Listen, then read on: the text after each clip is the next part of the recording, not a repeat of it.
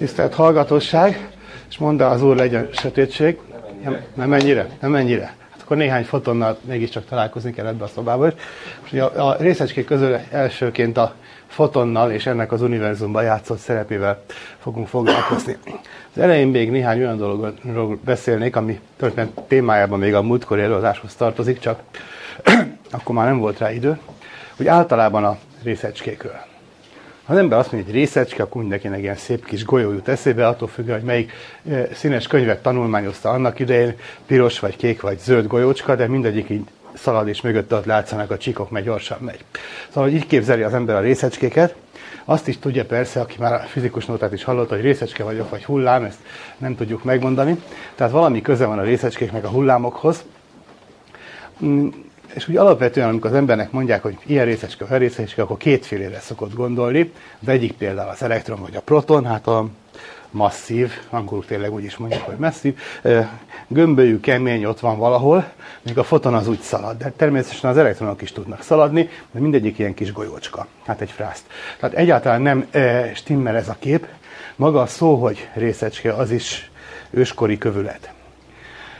Akkor a félreértésekhez vezethet ez az egész az elnevezés, meg ez a kép, ami az emberbe él, hogy aki tovább gondolja ilyen eh, féltudományos szövegeket, mint amiket el szoktak hangzani, az nagyon eh, logikusan, nagyon téves következtetésekre tud jutni. Egyszer egy hasonló előadás után valaki elkezdte nekem magyarázni, és nem áltudós meg őrült volt, hanem logikusan gondolkodó ember.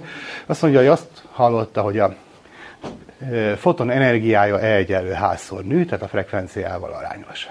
Azt is hallotta, hogy E egyenlő MC négyzet, tehát az energiát ott kiejtjük belül, akkor a részecske tömege arányos a frekvenciájával.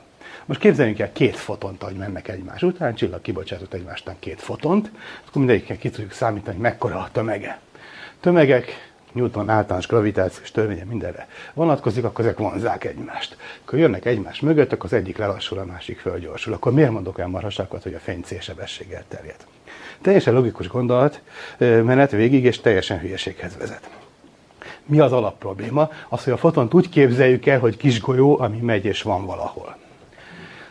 Hát mi az, amit ebből el lehet fogadni? A fénynek van energiája, van frekvenciája. Fény tényleg terjed innen-oda de nincs valahol. Azt nem mondhatom, hogy a fény, mint foton golyócska, ekkor itt, itt meg ott van.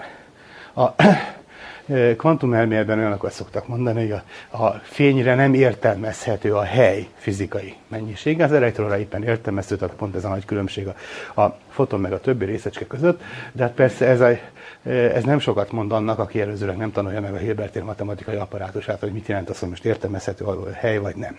Inkább próbálom másképpen mondani. A múltkor mondtam egy kis példabeszédet arról, Szamosi Géza eh, régi magyar fizikustól idézve, hogy, hogy eh, miért kell büszkének lenni arra, hogy nem értjük a kvantum elméletet. Talán emlékeznek a tigrisre, meg a majmokra, akik a, ha az elektronhoz értettek, akkor megette őket a tigris. Tehát az ember meg tudja győzni magát, hogy miért nem érti a kvantum elméletet, tehát akkor azt is lehet nem mondani, hogy hagyjuk a csodába, és foglalkozzanak vele azok, akik ki tudják számolni.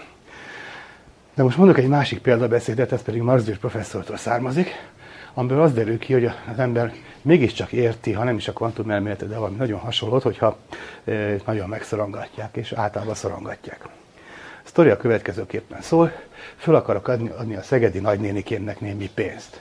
Hello. Hát 137,0,3875 forintot.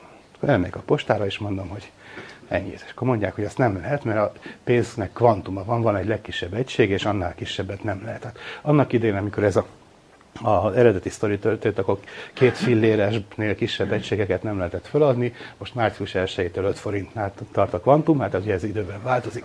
De mindesetre ennél kisebb egységeket nem lehet feladni. Hát ezt én nem értem, de mindesetre akkor úgy döntök, hogy feladok a nénikémnek két darab fém 100 forintost, mert azt gyűjti. Akkor feladom, aztán a nénikém egy hét múlva ír, hogy egyrészt késett a posta, de ezt hagyjuk, de egy randa zöld papír cédulát kézbe neki 200 forint címén. Hát pedig én ilyen szép, nehéz, vastag fémpénzeket adtam föl. Mi történt? Hát elkezdek kísérletezni, mint jó fizikus. Az illik, többször megismétlem a kísérletet, hol papírt adok föl, és papírért célba, hol papírt adok föl, és fémpénzért célba lehet statisztikát csinálni, meg minden. De esetre valaki lopja az ezüstöt valahol az Alföld közepén. Felbérelem Rózsa Sándort, hogy állítsa meg a Szegedre menő postavonatot, és hát nézze meg, hogy ott mondjuk félúton ott még megvan a fémszázas. És kiderül, hogy nem, nincs pénz a vonaton. Ez régi történet, akkor még nem interneten ment az átutalás, hanem kiderül, hogy kis cédulák utaznak a vonaton, nem pénz, hanem rá van írva, hogy kinek mennyi pénzt adtak oda, és akkor a postásokat olyan zavarosan magyaráznak a betyárnak, hogy hát innen is küldenek pénzt, onnan is küldenek, és a kettőnek az interferenciája, hogy kioltja egymást, és hogy átlagosan így meg úgy, megy, megy a pénz ide-oda. A posta vagyona az forintokból áll, de azt nem úgy kell elképzelni, hogy egy kis kerekfém darabok együttese. A vagyon az változhat, hogyha a kamatot meg ilyesmit nem számítjuk, akkor forintonként lehet kibetenni, ugrik a, a, a pénz kibe, e, viszont terjedni mégsem úgy terjed, hogy a vasúti sineken vagy a távíró vonalakon kis fém e, gurulnak ide-oda. Nem úgy kell elképzelni a, a pénz terjedését.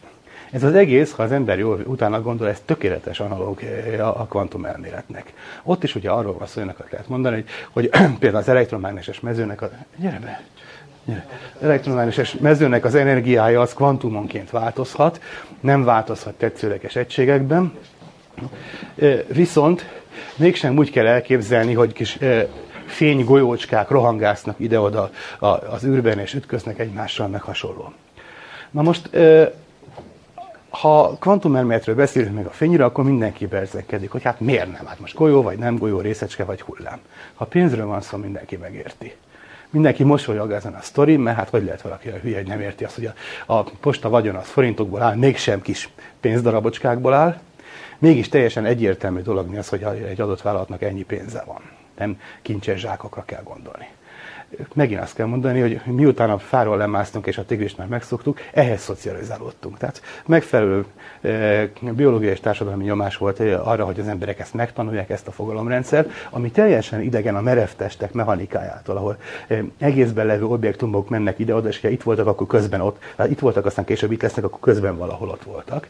A pénz nem így megy, amikor feladom telefonon, vagy még inkább, hogyha interneten át, átküldöm, ennek ellenére mindenki megérti megint azt lehet mondani, aki nem értette meg, az, az, az valahogy kihalt az evolúció során.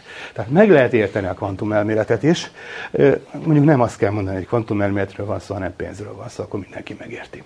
Tehát ilyen értelemben az ilyen absztrakt fogalomrendszer a közönséges fizikai testektől nagyon eltérő viselkedésmód is érthető. Az embernek esetleg más neveket kell adni és főleg nem kell azt mondani, hogy tanuld meg a sok-sok matekot, és akkor majd utána e, megérted, mert ez az emberek nagy részét elborzasztja.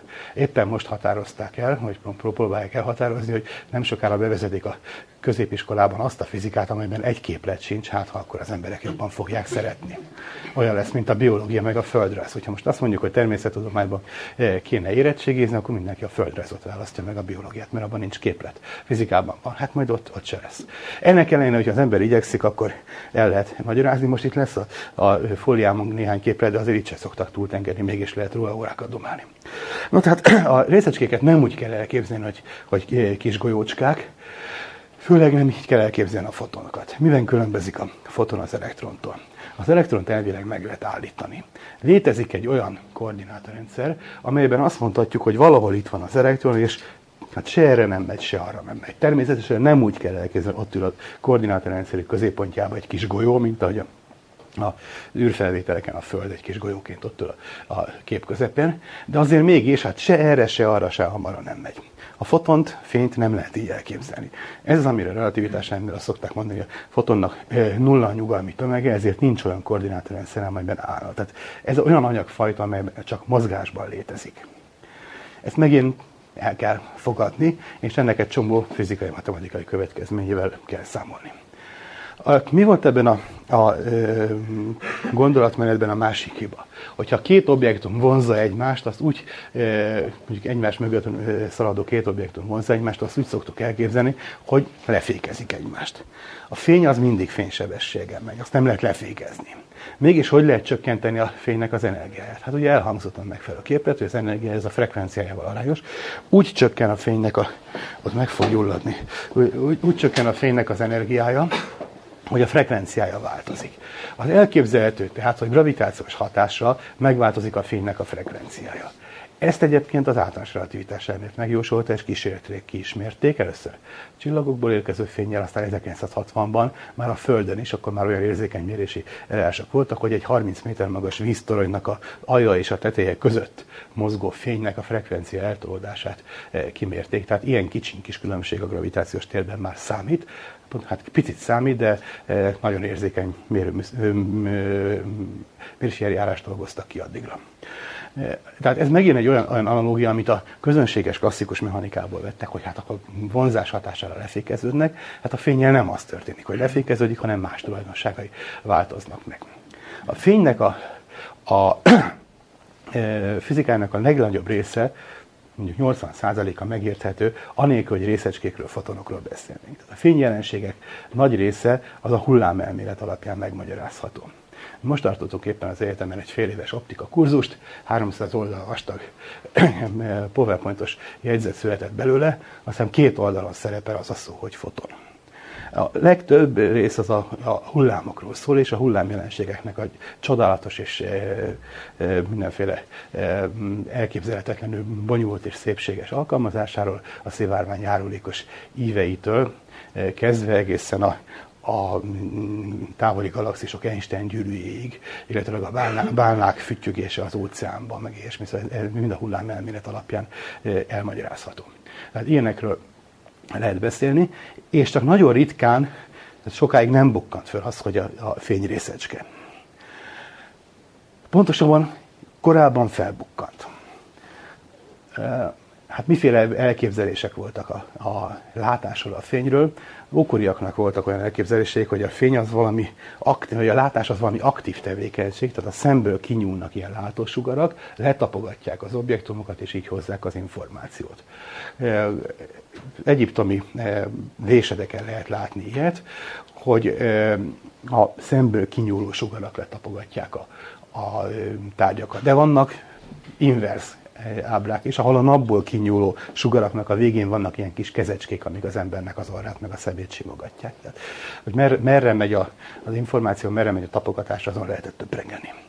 Newton volt az, aki aktívan megfogalmazta a fénygolyó elméletét és emögött ö, konkrét tapasztalatok voltak, amik mindenki lát, hogyha például megnézi a, a felhők közül ki törő napsugarakat, tehát egyenesen megy a fény. Úgy azt látjuk, hogy nyíl egyenes. Ennek a legegyszerűbb elképzelés az, hogy jönnek ott a, a fényforrásból kibocsátott golyók, meglökte, azt hogy szaladnak egyenesen, és ezért egyenes a fénysugár. Hullámelméletben nagyon nehéz megmagyarázni, és sokáig tartott, amíg megmagyarázták, hogy miért terjed egyenesen a fény.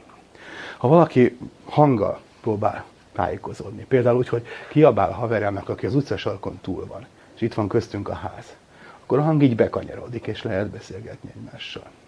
Tehát a hang nem egyenes vonalban terjed, ez közvetlen tapasztalatunk. A hangról hamarabb kiderítették, hogy hullám, mint a fény, és tudjuk, hogy a hullámok így megkerülhetik a tárgyakat, lehet laborban kísérletezeti, vagy nézni a tengerhullámokat, hogy megkerülik a szigeteket, és e, nyilvánvalóan nem egyenes vonalban terjednek. Hát amikor valaki felvetette, hogy a fény az hullám, akkor ez volt az egyik ellenérv. Hosszú ideig tartott, és csak a 19. század közepére sikerült matematikai levezetni az, hogy bizonyos körülmények között a hullámok egyenes vonalban terjednek, tehát úgy néz ki, mintha e, fénysugarak meg, és meg lennének. Ez nagyjából azon is múlik, hogy mekkorák az akadályok, mi a hullámhoz és az akadály viszonya. A hanghullámok azok nagyok, össze, és az azzal összemérhető e, tárgyakat meg tudják kerülni. A fényhullámokhoz képest a köznapi objektumok nagyok. A fénynek a hullámhossza az ugye mekkora 100 nanométeres, 1000 nanométeres nagyságrendű, nanométer az 10 a mínusz 9 tehát milliárdod méter. milliméternek a milliómod része, ennek a pár százszoros a fényhullámhossza. Ehhez képest egy közönséges optikai eszköz rettenetesen nagy, és azt nem tudja megkerülni, amellett így elzúg egyenesen a hullám. Hogyha olyan eh, kísérleti berendezést létesítünk, ahol már összemérhetők a, a viszonyok a fényhullámhosszal, akkor észreveszünk hullámjelenségeket, elhajlást, eh, diffrakciót, interferenciát, mindenféle eh, ilyen típusú tanulságot. Köznapi életben ez ritkán fordul elő illetőleg amikor előfordul, akkor nem jövünk rá erre, hogy erről van szó. Ilyen e, sűrű rács például az esernyő. Az ember átnéz az esernyőn, és akkor mindenféle szivárványos fényjelenségeket lát, akkor azt gondolja, hogy biztos az elsőtől csillog a szeme, és emiatt hülyeségeket lát, pedig az egy ilyen optikai diffrakciós jelenség. Ne gondoljuk azt, hogy a fényhullámosszal összemérhető azért az esernyőnek a, a szemnagysága. Ez megint egy érdekes optikai tulajdonság, ami általában hullámerebérben szerepel. Három nagyságrendről van szó. Az egyik dolog az a, a hullámhoz, a másik az ilyen makroszkopikus méret, tehát hogy például milyen messze van a lencse az ernyőtől. A harmadik pedig ezeknek a elhajlást létrehozó objektumoknak a mérete, és az körülbelül mértani közepe a, ez a középső skála a kicsinek meg a nagynak. Hogyha a néhány száz nanométeres skála és a méteres, deciméteres skála közötti mértani közepet megkeressük, akkor pont valahogy a milliméter környékén keresgélhetünk. Tehát ilyen 10 milliméteres, objektumokkal lehet érdekes optikai jelenségeket létrehozni. Ekkorák azok az első cseppek, amik például a szivárványt, a, a légköri elhajlási jelenségeket is létrehozzák. Tehát a fénynek a hullám elmélete az, az nagyon szilárd alapokon áll. Természetesen érdekes sztori, hogy amikor ezt először kiokoskodták, akkor azt se akarták elhinni. Uf, na, késmedek. Tessék? Menjed, menjed, bejebb.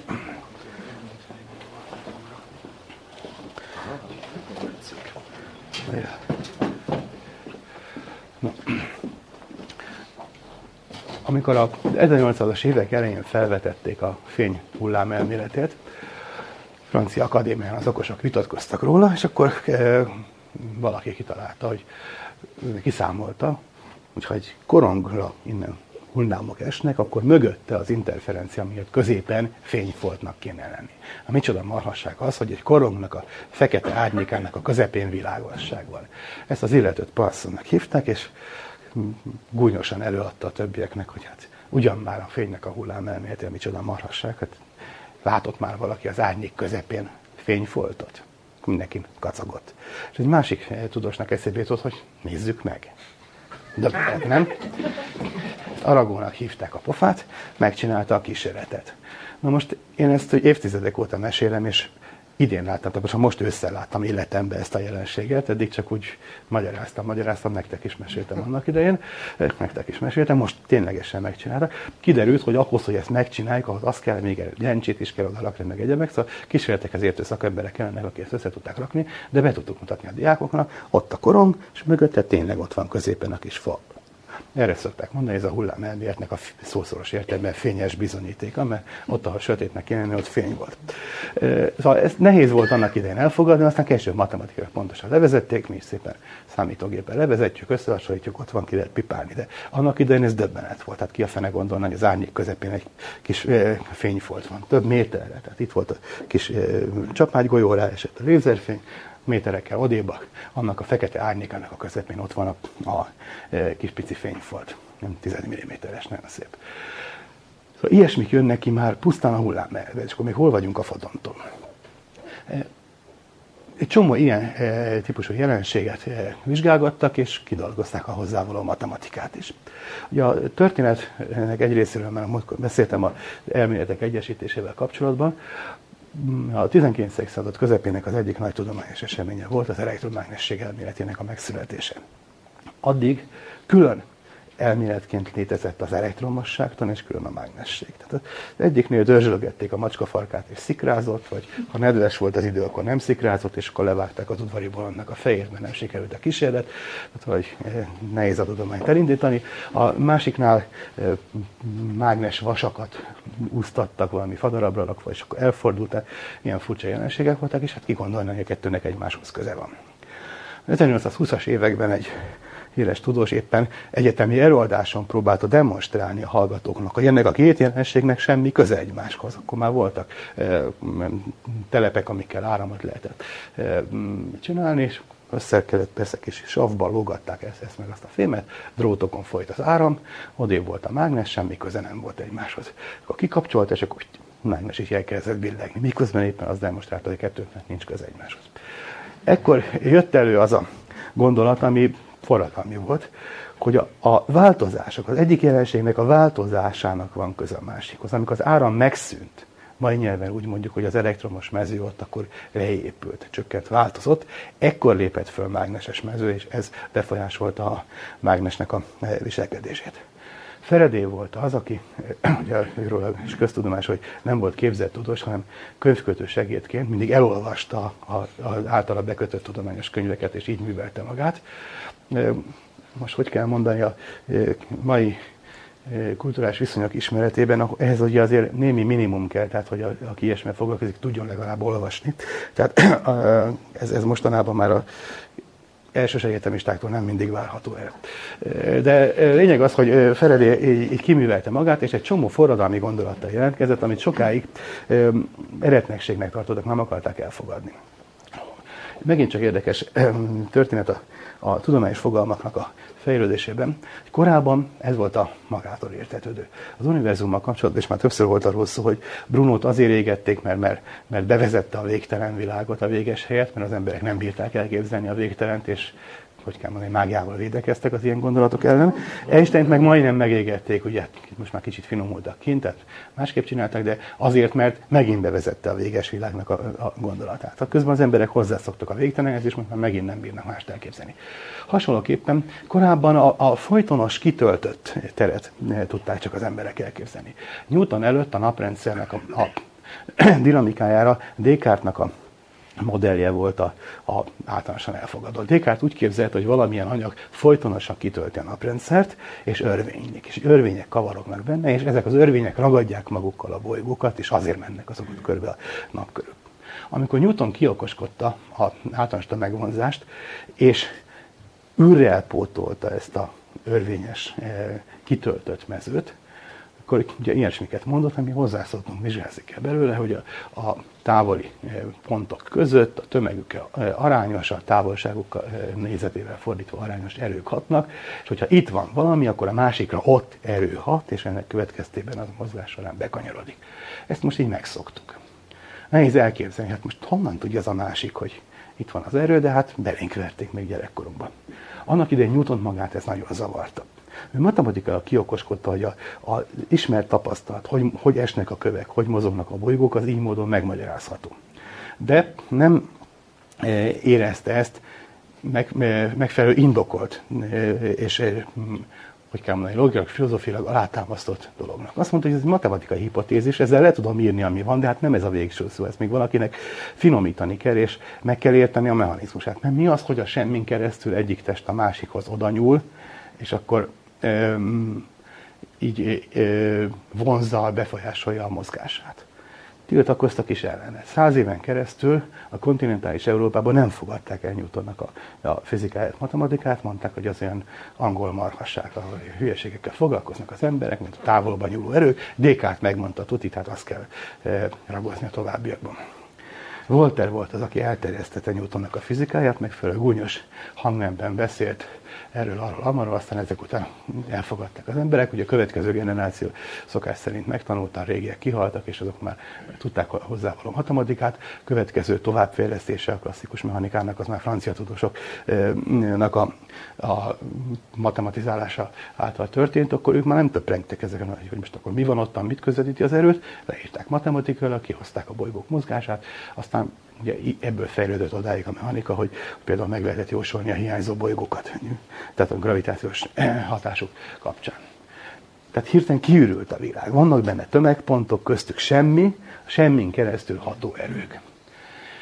És ekkor jött ez a másik jelenségkör, az elektromágnesség, pontosan az elektromosság és a mágnesség, és a, a kettőnek a, a kettő között fellépő kapcsolat, amit aztán Faraday kezdett vizsgálgatni. Ő fedezte fel az indukció törvényét, és próbálta ezt az egész jelenségkört valahogy leírni. És ő képzelte megint úgy el a világot, hogy a tér terítve van valamivel, most ugye magyarul teljesen hülyén mondjuk, mert azt mondjuk, hogy a geometriai teret kitöltő elektromos tér. Ez is tér, az is tér. Szóval más nyelvekben megvan ez a kettősség. Tehát azt mondjuk, hogy a space és a field a prostranstvo és a polje, a, a, a raum és a felt, stb. Valamikor görögül is tudtam. Szóval megvannak ezek a, az egyik az a geometriai tér, a másik pedig az az anyag, az a létező dolog, amit ugye elektromosságnak vagy ilyesminek hívnak. Magyarul próbáljuk elterjeszteni ezt a szót, hogy mező, tehát az elektromos mező és mágneses mező. Nemrég interneten csúnyán megtámadtak, ezért, hogy valaki ilyeneket mond, hogy mágneses mező, az csak áltudós lehet, és akkor aki ezt írta, komoly levelező ember, minden második újságban ott van az egyik hozzászólása, amúgy fizikusként végzett, azt írta, hogy ha ő egy ilyen, ilyen szöveget lát, hogy mágneses mező, akkor azonnal lecsapja a cikket, mert tudja, hogy áltudomány. Hát akkor megírtam neki, hogy hát bocsánat, hogy sajnálattal kell látnom, hogy továbbiakban velem sem áll beszélő viszonyban, mert én ezt szándékosan így tanítom és terjesztem, mert hogy a mező az más. Elmondtam, hogy ez a kettősség. Ez mit jelent, hogy az egyik az a geometria tér, másik pedig a benne levő anyagnak az egyik fajtája, amit folytonosan kitölti a teret. No, jött a válasz, a mező az két dimenzió. Hát úgy, úgy el lehet képzelni. Zöld, zöld, igen. Na most nem, nem mertem aztán hozzátenni, hogy a, a modern matematikában, a differenciál geometriában további mezőgazdasági fogalmakat használnak. Tehát nem csak vektormezők vannak, hanem kévék, nyalábok és egyebek. Nem sokára a bogiákat is be fogják vezetni, meg gazlakat. Szóval ne ragadjunk le a közvetlen mezőgazdasági jelentésnél maradjunk abban, hogy én itt próbálok ragaszkodni a mezőhöz. Természetesen ez mindig olyan, mint a, a felnőtt korban megtanult idegen nyelv, hogy az embernek időnként rájára e, nyelve arra, ahogy gyerekkorában tanították, és hogy később magát idomította, hogy másképp csinálja, az már nem mindig automatikus. Például, amikor azt mondja, hogy van, van nálad a telefonnál mezőerő, az, ezt ugye senki sem mondja, mindenki a térerőt keresi, és legyen e, veled a térerő, de hát e, igazából azt kéne mondani, hogy ez a mezőerősség. Tessék rászokni.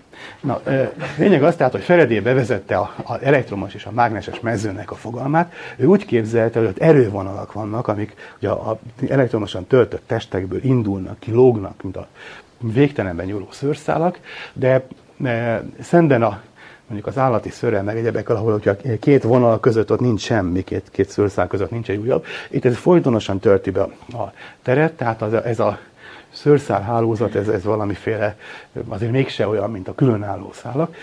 Éppen ezért, amikor azt tanítja az ember, hogy mi is az a fluxus, hát az erővonalak száma. Most akkor egy adott felületen hány erővonal megy? Hát 42 és fél. Szóval ez ugye mindig az ilyesmi egy kicsit félrevezető, de nem úgy kell elképzelni, mint hogy töltésből lók ki néhány darab vonal és nyúlik a messzeségbe. A Feredé matematika nélkül pusztán ezzel a képpel, hogy erővonalak vannak, és így nyúlnak, és úgy kunkorodnak, és ki akarnak egyenesedni, mint hogyha gumiból lennének a vonalak, ezzel nagyon sok elektromos és mágneses jelenséget le tudott írni. Még azt is ki tudta valahogy magyarázni, hogy az egyik típusú vonalak, hogy keltik a másikat. Az persze elég nehéz. Mert például megint csak képzeljük el ezt a, a e, drótot, hogy folyik benne az áram. Rendben, és akkor kikapcsolják, akkor hirtelen ott valami erő adott arra az arra menő mágnes, és akkor másképp áll. A változásnak volt valami köze. Persze most már tudjuk, hogy akkor is volt ott mágneses tér, amikor csak hogy egyenletesen folyt az áram, de azt éppen nem vettük észre, hanem a mágnes adott módon állt, akkor kikapcsoltuk, akkor megváltozott. Szóval valahogy hirtelen megszűntek, vagy újra keletkeztek, előtt bukkantak a semmiből erővonalak. Ezt, ezt nehéz, de Feredének voltak ilyen szemléletes madarjai. Hát előbb-utóbb ezeket a szemléletes modelleket le kell fordítani matematikára.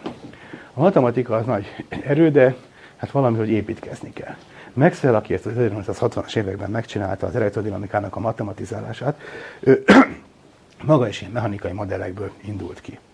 Tehát úgy képzelte, hogy ezek az erővonalak, ezek ott kunkorodnak, valami rugalmas hatásuk van, akkor ki akarnak egyenesedni, össze akarnak, rövidülni akarnak.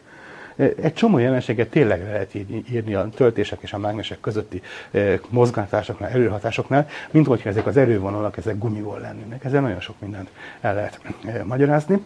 Például a csillagászatban, tehát amikor a, a napból a kijövő erővonalak mentén ott a protuberanciák szépen összegyűlnek, és azok a rángatóznak, csapkodnak, ez nagyon úgy néz ki, mint egy ilyen rugalmas drótokból álló korbácsnak a rángatózása. Tehát majd, majdnem ugyanúgy néz ki, és hát matematikailag hasonló a leírása. Tehát megfelelnek az eredeti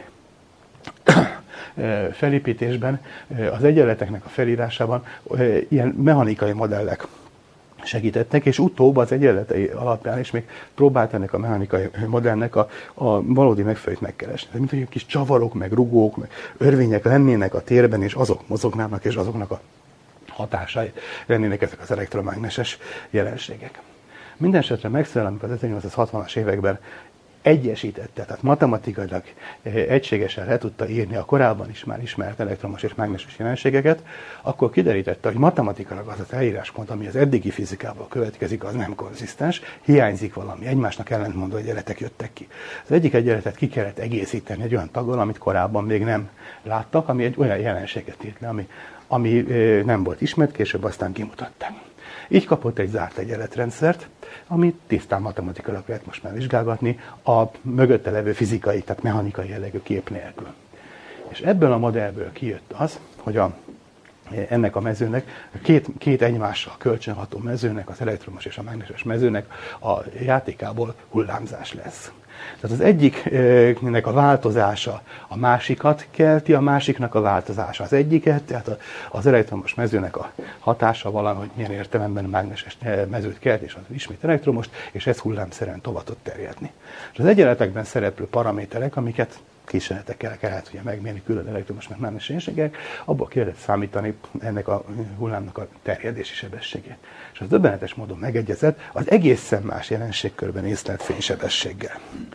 A fénynek korábban semmi köze nem volt az elektromossághoz, se a mágnesikhez. Ez az egy harmadik fizikai tudományág volt, optika volt, a fénysebességet ugye csillagászatilag mérték meg annak idején, bizonyára mindenki tudja, hogy hogy, hogy mérték, a Jupiter holdaknak a jelenségeit vizsgálták, és időnként késtek a Jupiter holdak. Hát micsoda disznóság olyan órát teremtőteni az űrbe, ami késik.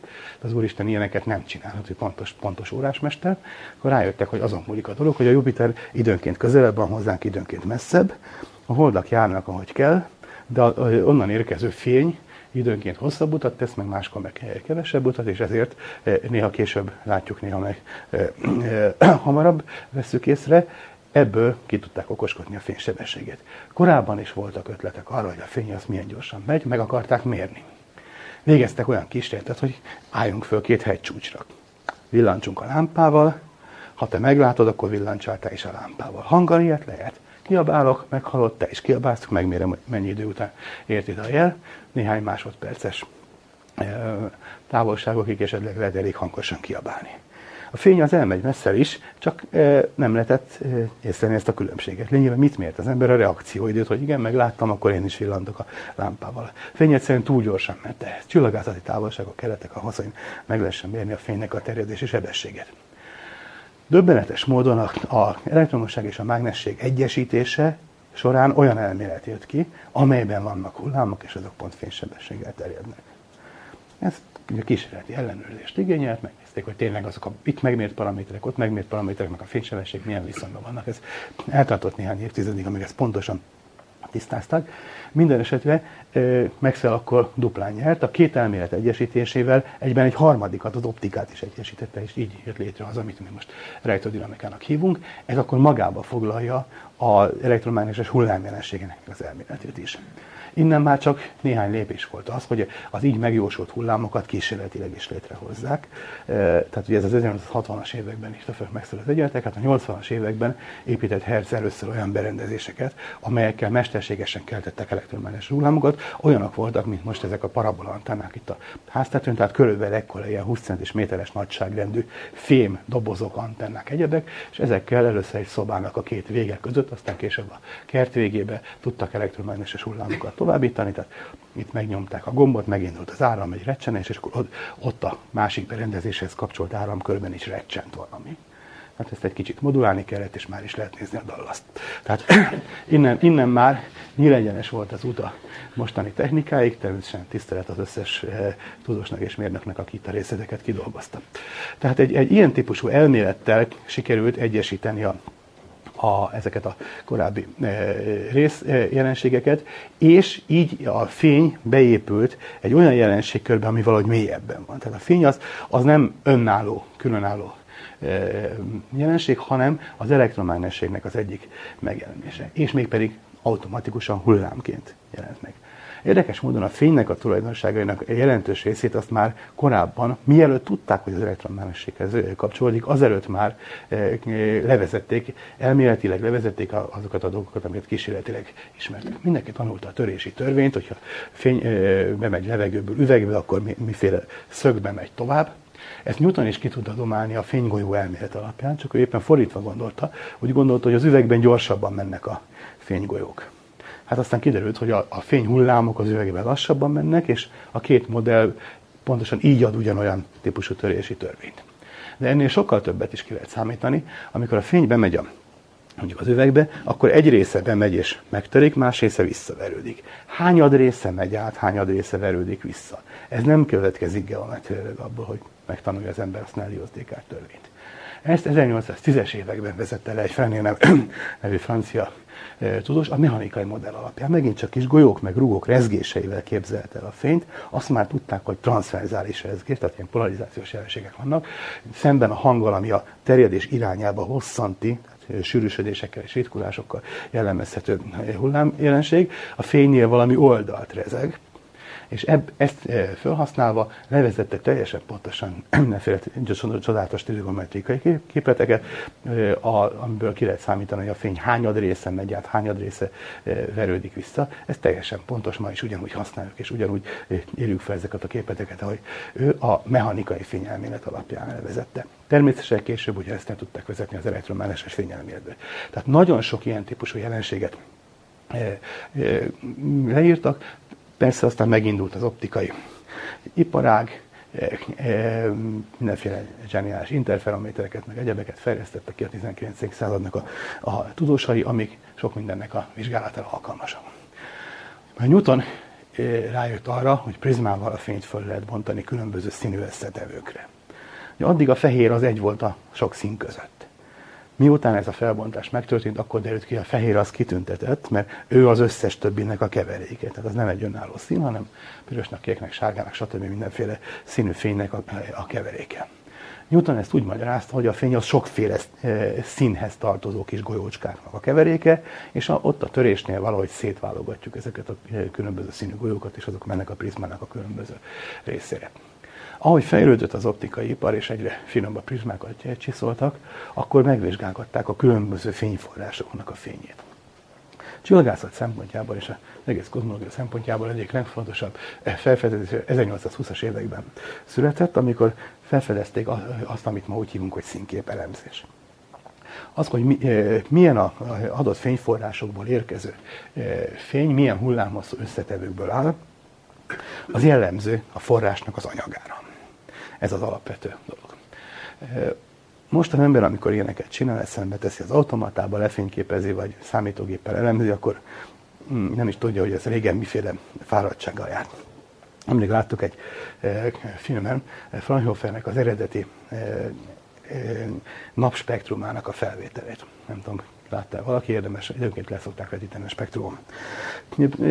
Csillagászati távcsőhöz hozzá kapcsolt nagy prizmát, és kivetítette a, a napból érkező fényt, úgyhogy több méter hosszú lett így ez a, a csík, és hát mit látott? Világosabb, meg sötétebb vonalakat. Természetesen az egészet finoman be kellett, be kellett állítani, beskálázni, hol hol nincs.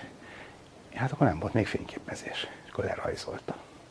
Van egy ilyen hosszú tekercs, ilyen össze, nem tekercs, egy leporelóval összehajtogatható valami, hiszem három méter hosszú és 10 mm-enként ott vannak a vonalak. És ő szépen pontosan ceruzával, vagy nem tudom miféle eszközzel berajzolgatta, úgy, hogy a, a rajzával nem csak azt próbálta pontosan visszaadni, hogy hol vannak a vonalak, hanem hogy milyen fényesek is. Tehát satírozgatni. Tessék elkezdeni ezt kézzel megcsinálni. nem tudom mennyi ideig tartott, vagy hogyha ugye, közben lement a nap, akkor másnap újból be kellett állítani a berendezést, pontosan ugyanoda essenek a vonalak. Félelmetes az egyszer ránézni arra az adathalmazra, ami abban a rajzban benne van. Most mit csinálunk? Hát a megfelelő berendezéssel felbontjuk a fényt, és akkor fotodetektorral érzékeljük, föl, fölvesszük a spektrumot, itt ennyi a fény, ott annyi a fény, és akkor a gép az rögtön lerajzolja. Tehát graf, grafikont rajzol, hogy adott hullámhossznál ilyen az intenzitás, tehát ilyen huplikat tudunk rajzolni. Nyilván ebben több az információ, de hát most már megvannak a megfelelő eszközök. Az, hogy ez az 1820-as években meg tudták csinálni, az egyszerűen döbbenetes, és csak utólag is tiszteletet érdemel. Na és akkor ezek után egy csomó ilyen dolognak az elemzésével rá lehetett jönni, hogy azok a vonalak, amiket ott látunk, bizonyos sötét, illetve világos vonalak ott a napnak a színképébe, ezek azzal függnek össze, hogy miféle anyagok bocsátották ki. Hát persze természetesen senki nem tudta, hogy milyen anyagok vannak a napban. Ez mit kellett? Itt a Földön ilyen világító anyagokat létrehozni. Hát például a villanykör, tehát mondjuk akkor az még nem volt, de nézhetjük a tűznek a fényét is tűznek a fényénél viszont azt látjuk, hogy nagyjából folytonos. Ha széthúzzuk, akkor mindenhol vannak fények, itt-ott van egy-két világosabb vagy sötétebb vonal, de nem, nem nagyon látjuk, az egész folytonos. Nem olyan, mint a napé. Viszont ha például a lángokba beleszórunk bizonyos vegyszereket, fémek, sóit, meg egyebeket, akkor, ugye ezt lehet látni, talán többen láttak a pár utcai fiúknak, a, akárhányszor filmet csinálnak, akkor a bunzenékes kísérletet mindig megvalósítják. Tehát, hogyha iskolában maga az ember nem is látott filmben biztos, beleszoruljuk a, a megfelelő anyagot, akkor adott színnel világítani fog. De ha lemegyünk ide a Bécsi útra, akkor látjuk a nátrium lámpáknak a sárga fényét, és hogyha azt megnézzük spektroszkóppal, akkor a sárgának bizonyos tartományában két jól meghatározott hullámhosszan nagyon erős fénycsikot látunk körülte, meg sötét. Ez azt jelenti, hogy az a nátrium gőz, ami abban a lámpában van, az bizonyos hullámhosszú fényt bocsát ki, igen nagy intenzitással, más eh, fényeket meg nem nagyon. Persze, ha jobban megnézik, akkor jó messzire más eh, színképtartományban vannak, eh, még vonalak esetleg ultraibolyába vagy infravörösbe is, amiket nem látunk szabad szemmel. Lényeg az, hogy, hogy azért sárgán világít, mert, mert az, az tényleg két sárga színképen van világít. A nap nem azért sárga. Arról majd még beszélni fogok ma, hogy a nap az igazából zöld, de hát ez, ez még egy kicsit odébb. Hogy miért sárga a nap, az azért egy külön rejtély, tehát az, azon még egy kicsit több reggeli kell. A, különböző fémeket beleszórva más-más színűre festi a lángot. Ha megnézzük spektroszkóppal, akkor kiderül, hogy bizonyos hullámhosszakhoz tartozik ez a, a színképvonal. Az is egy technikai fejlődést igényel természetesen, ezt, ki lehessen mondani, mert be kellett skálázni. Ugye Fraunhofer kivetíttette, de hát hogy tudjuk azt, hogy az errefelé elkanyarodó fény az az ilyen meg olyan hullámhossznak felel meg, olyan frekvenciának, ahhoz a berendezést nem csak kvalitatíve fényfelbontóval, hanem mérésre alkalmassá, reprodukálható mérésekre alkalmassá kellett tenni. Tehát be kellett skálázni, és akkor lehetett látni, hogy ilyen-olyan ennyi angstrom hullámhossz, hosszan van az a bizonyos sárga vonal, míg például a napnak a színképében ugyanazon a helyen van mondjuk egy sötét vonal. Elsőként ezt kell most így utólag megértenünk, majd ahhoz, hogy az alkalmazásokról beszéljünk itt a kozmológiában, a csillagászatban, hogy miért van ez, hogy bizonyos anyagok folytonos színképet bocsátanak ki, mások pedig ilyen vonalas színképet. Ma már, ugye nyilván az ember kicsit másképp áll ehhez a jelenséghez hozzá, tudjuk, hogy eh, ahogy Maxwell kiszámolta az elméletet, akkor abból az jött ki, hogy mozgatott elektromos töltésekkel lehet hullámokat kelteni, és Hertz azt csinálta, hogy egy drótban mozgatott egy csomó töltést, és ennek megfelelően bocsátott ki. Aztán nyert el elektromágneses hullámokat. Hát valami hasonló történik a fénykibocsátásnál, is csak mások a nagyságrendek. Ugye ahhoz, hogy e, mikrohullámú sugárzás bocsássunk ki, ahhoz ilyen ember nagyságú vagy értelmes méretű asztalon elférő berendezésekben, ekkora drótokban kell áramot mozgatni, néhány vagy néhány száz eh, herces eh, gyakorisággal, tehát másodpercenként néhány százszor ide-oda mozgatva, és ekkor megindulnak itt azok a hullámok, amik egy hasonló méretű berendezésben hasonló áramokat tudnak létrehozni. Első közelítésben azt mondhatjuk, hogy ezek a közönséges fényjelenségek, amiket észreveszünk, ezek hasonlóak, csak sokkal kisebbek az antennák. Az adóantennák, meg a vevő antennák is lényegében atomi vagy molekuláris nagyságrendűek. Mi azért látjuk a, a, a színeket, mert a szemünkben a, az ideghártyán vannak olyan anyagok, ott bizonyos idegsejt nyúlványokban elhelyezkedő, olyan, olyan molekulák, amik az adott hullámosszal érkező fényre elkezdenek mozogni. Nem a molekulák, hanem a molekulákban az elektronok. Tehát kicsit hasonlít ahhoz, mint amikor a villanydrót jellegű antennában megindul az áram, csak sokkal kisebb. Tehát nem egy fém darabról van szó, és nem akkora tömegű elektronról, mint amikor itt a, az a mikroamper, vagy mennyi, megint túl tessék kiszámítani, hogy mikroamper az hány elektronnak a mozgását jelenti. Hát ott abban a molekulában néhány elektron fog ide-oda moccanni, és ennek megfelelően a töltés eloszlásnak a változása az idegsejtekben megfelelő ingerületeket indít el. Különböző molekulák azok más eh, frekvenciájú eh, fényekre érzékenyek. Ma már ugye azt is tudjuk, hogy a, a ilyenkor egyszerre elnyert energiacsomagnak, vagy más néven fotonnak a, az energiája az a frekvenciával arányos. Nagyobb frekvenciát egyszerűen könnyebb észrevenni. Egy nagy frekvenciájú fény az például szét tudja verni a molekulákat. Hát, amikor az ember leég a napon, akkor az történik, hogy a bőrében levő bizonyos molekuláknak a kötéseit, a, beérkező ultraibolya sugárzás, aminek nagy, kicsi a hullámhossza, nagy a frekvenciája, egyre nagyobb az energiája, az, az egyszerűen szétbontja a molekulák kötéseit. Tehát ez úgy nem teszi jót az egészségnek, de ezért csináljuk, hát kifekszünk Amikor a szemünkben mm, hasonló jelenségek mennek végbe, akkor azért nem bomlanak ott szét teljesen a molekulák. Kis átrendezések mennek eh, végbe, de utána aztán ez e, rekonstruálódik. Ha az ember hirtelen fény, erős fényben néz, akkor, akkor mit is veszünk észre? Utána káprázik a szemünk, és ha próbálunk arra nézni, akkor, akkor nem látunk eléggé érzékenyen, mert Egyszerűen azok a molekulák, amik az adott fényre érzékenyek, azok elfogytak, átalakultak kémiailag. Hát a szervezet dolgozik keményen, aztán néhány tized másodperc, vagy néhány másodperc múlva visszaállítja, és ismét érzékeny, olyan, amikor az ember tovább csavarja a filmet a fényképezőgépbe, akkor megint e, e, tud venni újabb képet, de ahhoz kell egy kis idő, hogy, hogy ez, ez megtörténjen. A közönséges látásnál e, nyilván nem, nem ez a helyzet, mert akkor, akkor csak a molekulák egy része kap fényt, többiek azok továbbiakban is képesek észlelni, akkor hirtelen túl sok fény érkezik, akkor történnek ilyenek. Tehát első közelítésben azt mondhatjuk, hogy a, a fénynek a vétele az hasonló, mint a rádióhullámok vétele, csak egyszerűen a, a méretek mások, kis hullámhosszú dolgokhoz kicsi antenna kell, a nagy hullámhosszú az meg ilyen e, méteres vagy méretes berendezések kellenek hanem mi adja ki ezeket a, a hullámokat. Hát most azt mondhatjuk, hogy az atomok, vagy a molekulák és az abban mozgó elektronok, azok, amik e, e, ezt a, e, a kifelé menő sugárzást tudják produkálni. 19. század végén, 20. század elején tényleg ez volt a modell. Hogy valahogy vannak az anyagnak azok a kis alkotó részei, akkor már sejtették, hogy léteznek atomok, nem tudtak még semmit a belső szerkezetükről. Ott mozognak ilyen elektronosan töltött részecskék, és azoknak a mozgása, mint antenna keltheti a, a fényt. Nem nagyon lehetett tudni semmit erről, hogy miért van az, hogy bizonyos anyagoknak a sugárzása az vonalas színképet ad, tehát bizonyos frekvencián érkezik, másokon meg nem, mások pedig folytonos színképet adnak. Elkezdték vizsgálni a spektroszkopósok egyre jobb optikai berendezésekkel ezeket a, a, a spektrumokat, tehát például a hidrogénnek a spektrumát, sok száz, sok ezer vonalat lehetett benne találni.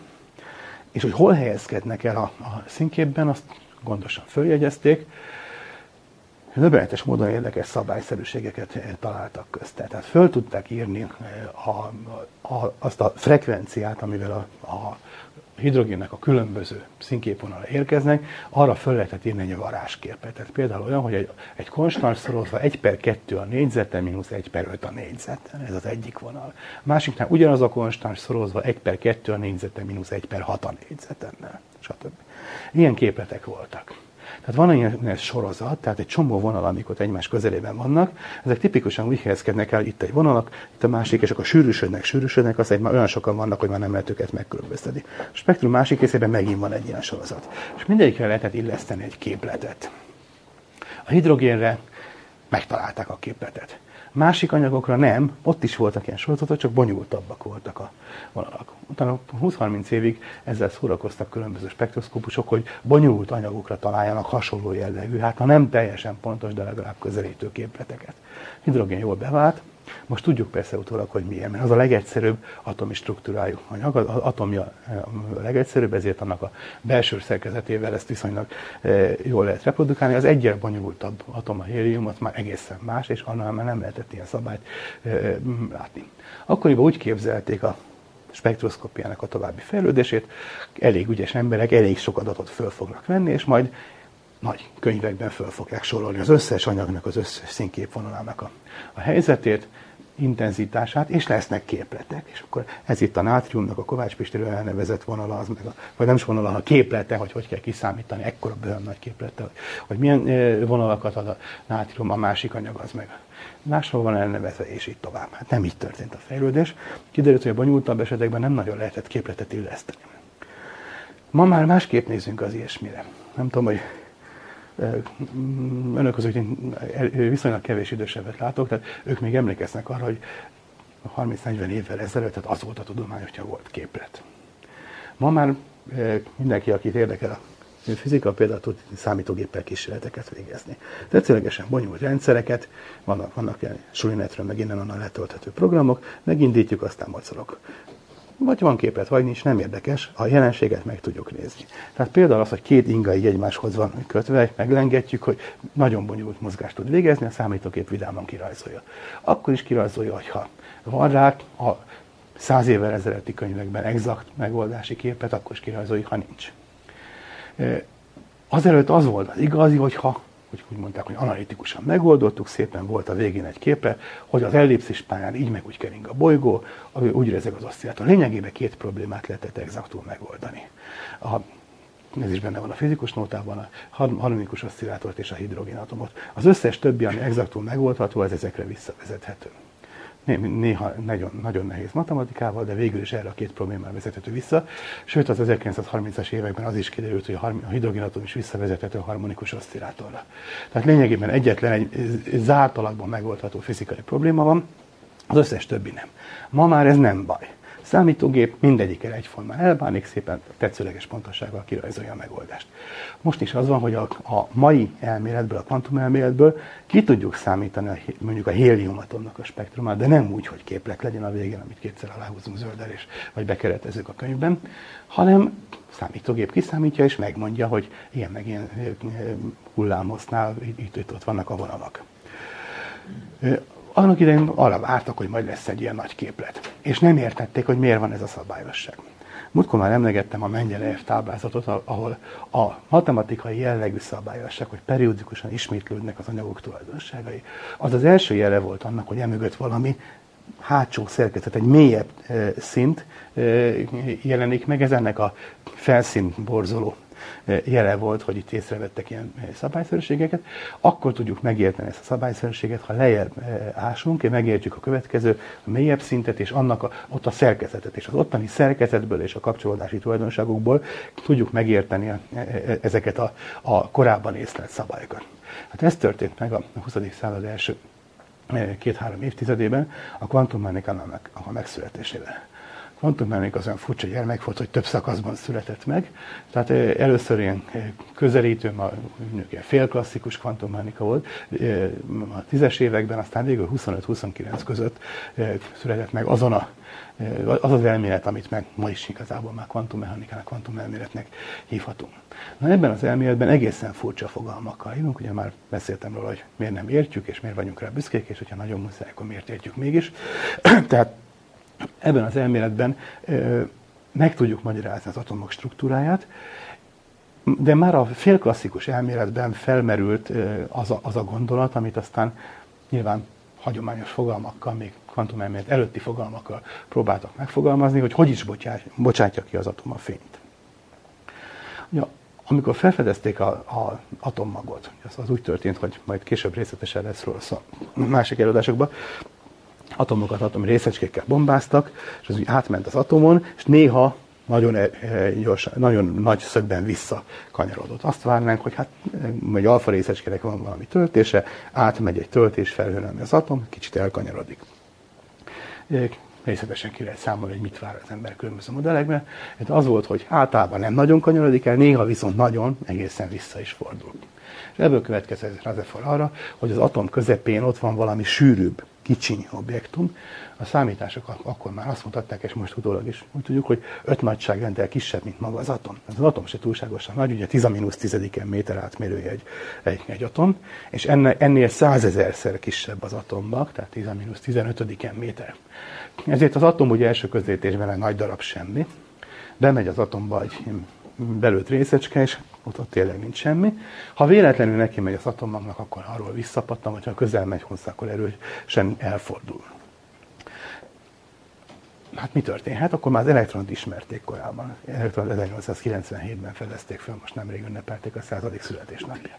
A, azt már tudták, hogy a, az anyagokból kijöhetnek elektronok. Hát akkor nyilván ott vannak az elektronok, ez sem magától értetődő gondolat. Később aztán kiderült, múltkor beszéltem, hogy az atommagban nincsenek elektronok, mégis kijönnek onnan. Szóval ilyesmi is előfordul. Hát itt viszont beváltozott lett, hogy az atomokban vannak elektronok, Hát valahogy. Hát először úgy képzelték, hogy mint a, a mazsolában a puding. Atom egy ilyen kis gömböcske, pozitív töltésű tészta, és itt-ott üldögélnek benne az elektronok, amik olyanok, mint a mazsola, és negatív töltésük van, hát esetleg rezegnek ott az egyensúlyi helyzet körül. Biztos azért sugároznak, mert rezegnek egy kicsit. Kiderült, hogy nem ez a helyzet, hanem a, van a, a, a kicsinyke mag, az elektronok valahol kijebb vannak. Mi ugrik be rögtön az emberek, Razaforisnak, és az ugrott be, amit ő is tanult ifjúkorában naprendszert, hát majd keringenek ezek az elektronok az atommag körül. Mindenki, aki tanult fizikát, felüvöltött, hogy hogy lehet ilyen marhasságokat beszélni. Miért is? Hogyha az elektromosan töltött részecskék keringenek a másik körül, hogy ez gyorsuló mozgást jelent. A gyorsulás az, a, tehát keringő mozgás az gyorsulás, egy gyorsuló töltés a Maxwell szerint sugároz elektromágneses hullámokat sugároz ki. Hát éppen azért rángatta a Hertz a, a antennában az elektronokat, tehát váltóáramot vezetett az antennába, mert akkor elektromágneses hullámok keletkeztek. Hullámok kimentek, elvitték az energia egy részét. Hogyha egy ilyen keringő részecskét képzelünk el, ami az atommag körül kering, akkor az is bocsát ki sugárzást, ki lehet számítani, föl is szoktam adni zárt helybe, mennyi energiát bocsát ki, és mennyi impulzus momentum, mi jön ki belőle, hogy akkor spirális pályán be fog menni a, a atommagba, bele fog pottyanni oda középre. Ki lehet számítani, hogy mennyi idő alatt, milliómod másodpercek alatt beleesik, az atommag méretével számoljuk. Kisugároz az energiát, hogy beesik. Hát akkor ebből nem lesz stabil anyag. A klasszikus fizikának az egyik legnagyobb baja az volt, most így utólag tudjuk, persze ők annak idején nem gondolták, hogy ez baj, mert nem is foglalkoztak a kérdéssel, hogy nem tudtam megmagyarázni a közönséges anyagnak a stabilitását. Tehát azt, hogy egyáltalán miért van ilyesmi, hogy fa, meg vas, meg üveg, meg egyebek, a azt tudták, hogy ez kisebb részecskékből áll, de hogy ezek a részecskék ezek hogy tudnak stabil, vagy viszonylag stabil, esetleg évmilliókig fennálló konfigurációban, mint a hegyek, meg ilyesmi elrendeződni. Mi, mi tartja össze őket? Mi akadályozza meg a szétszaladását az anyag részecskének, az összeroppanását?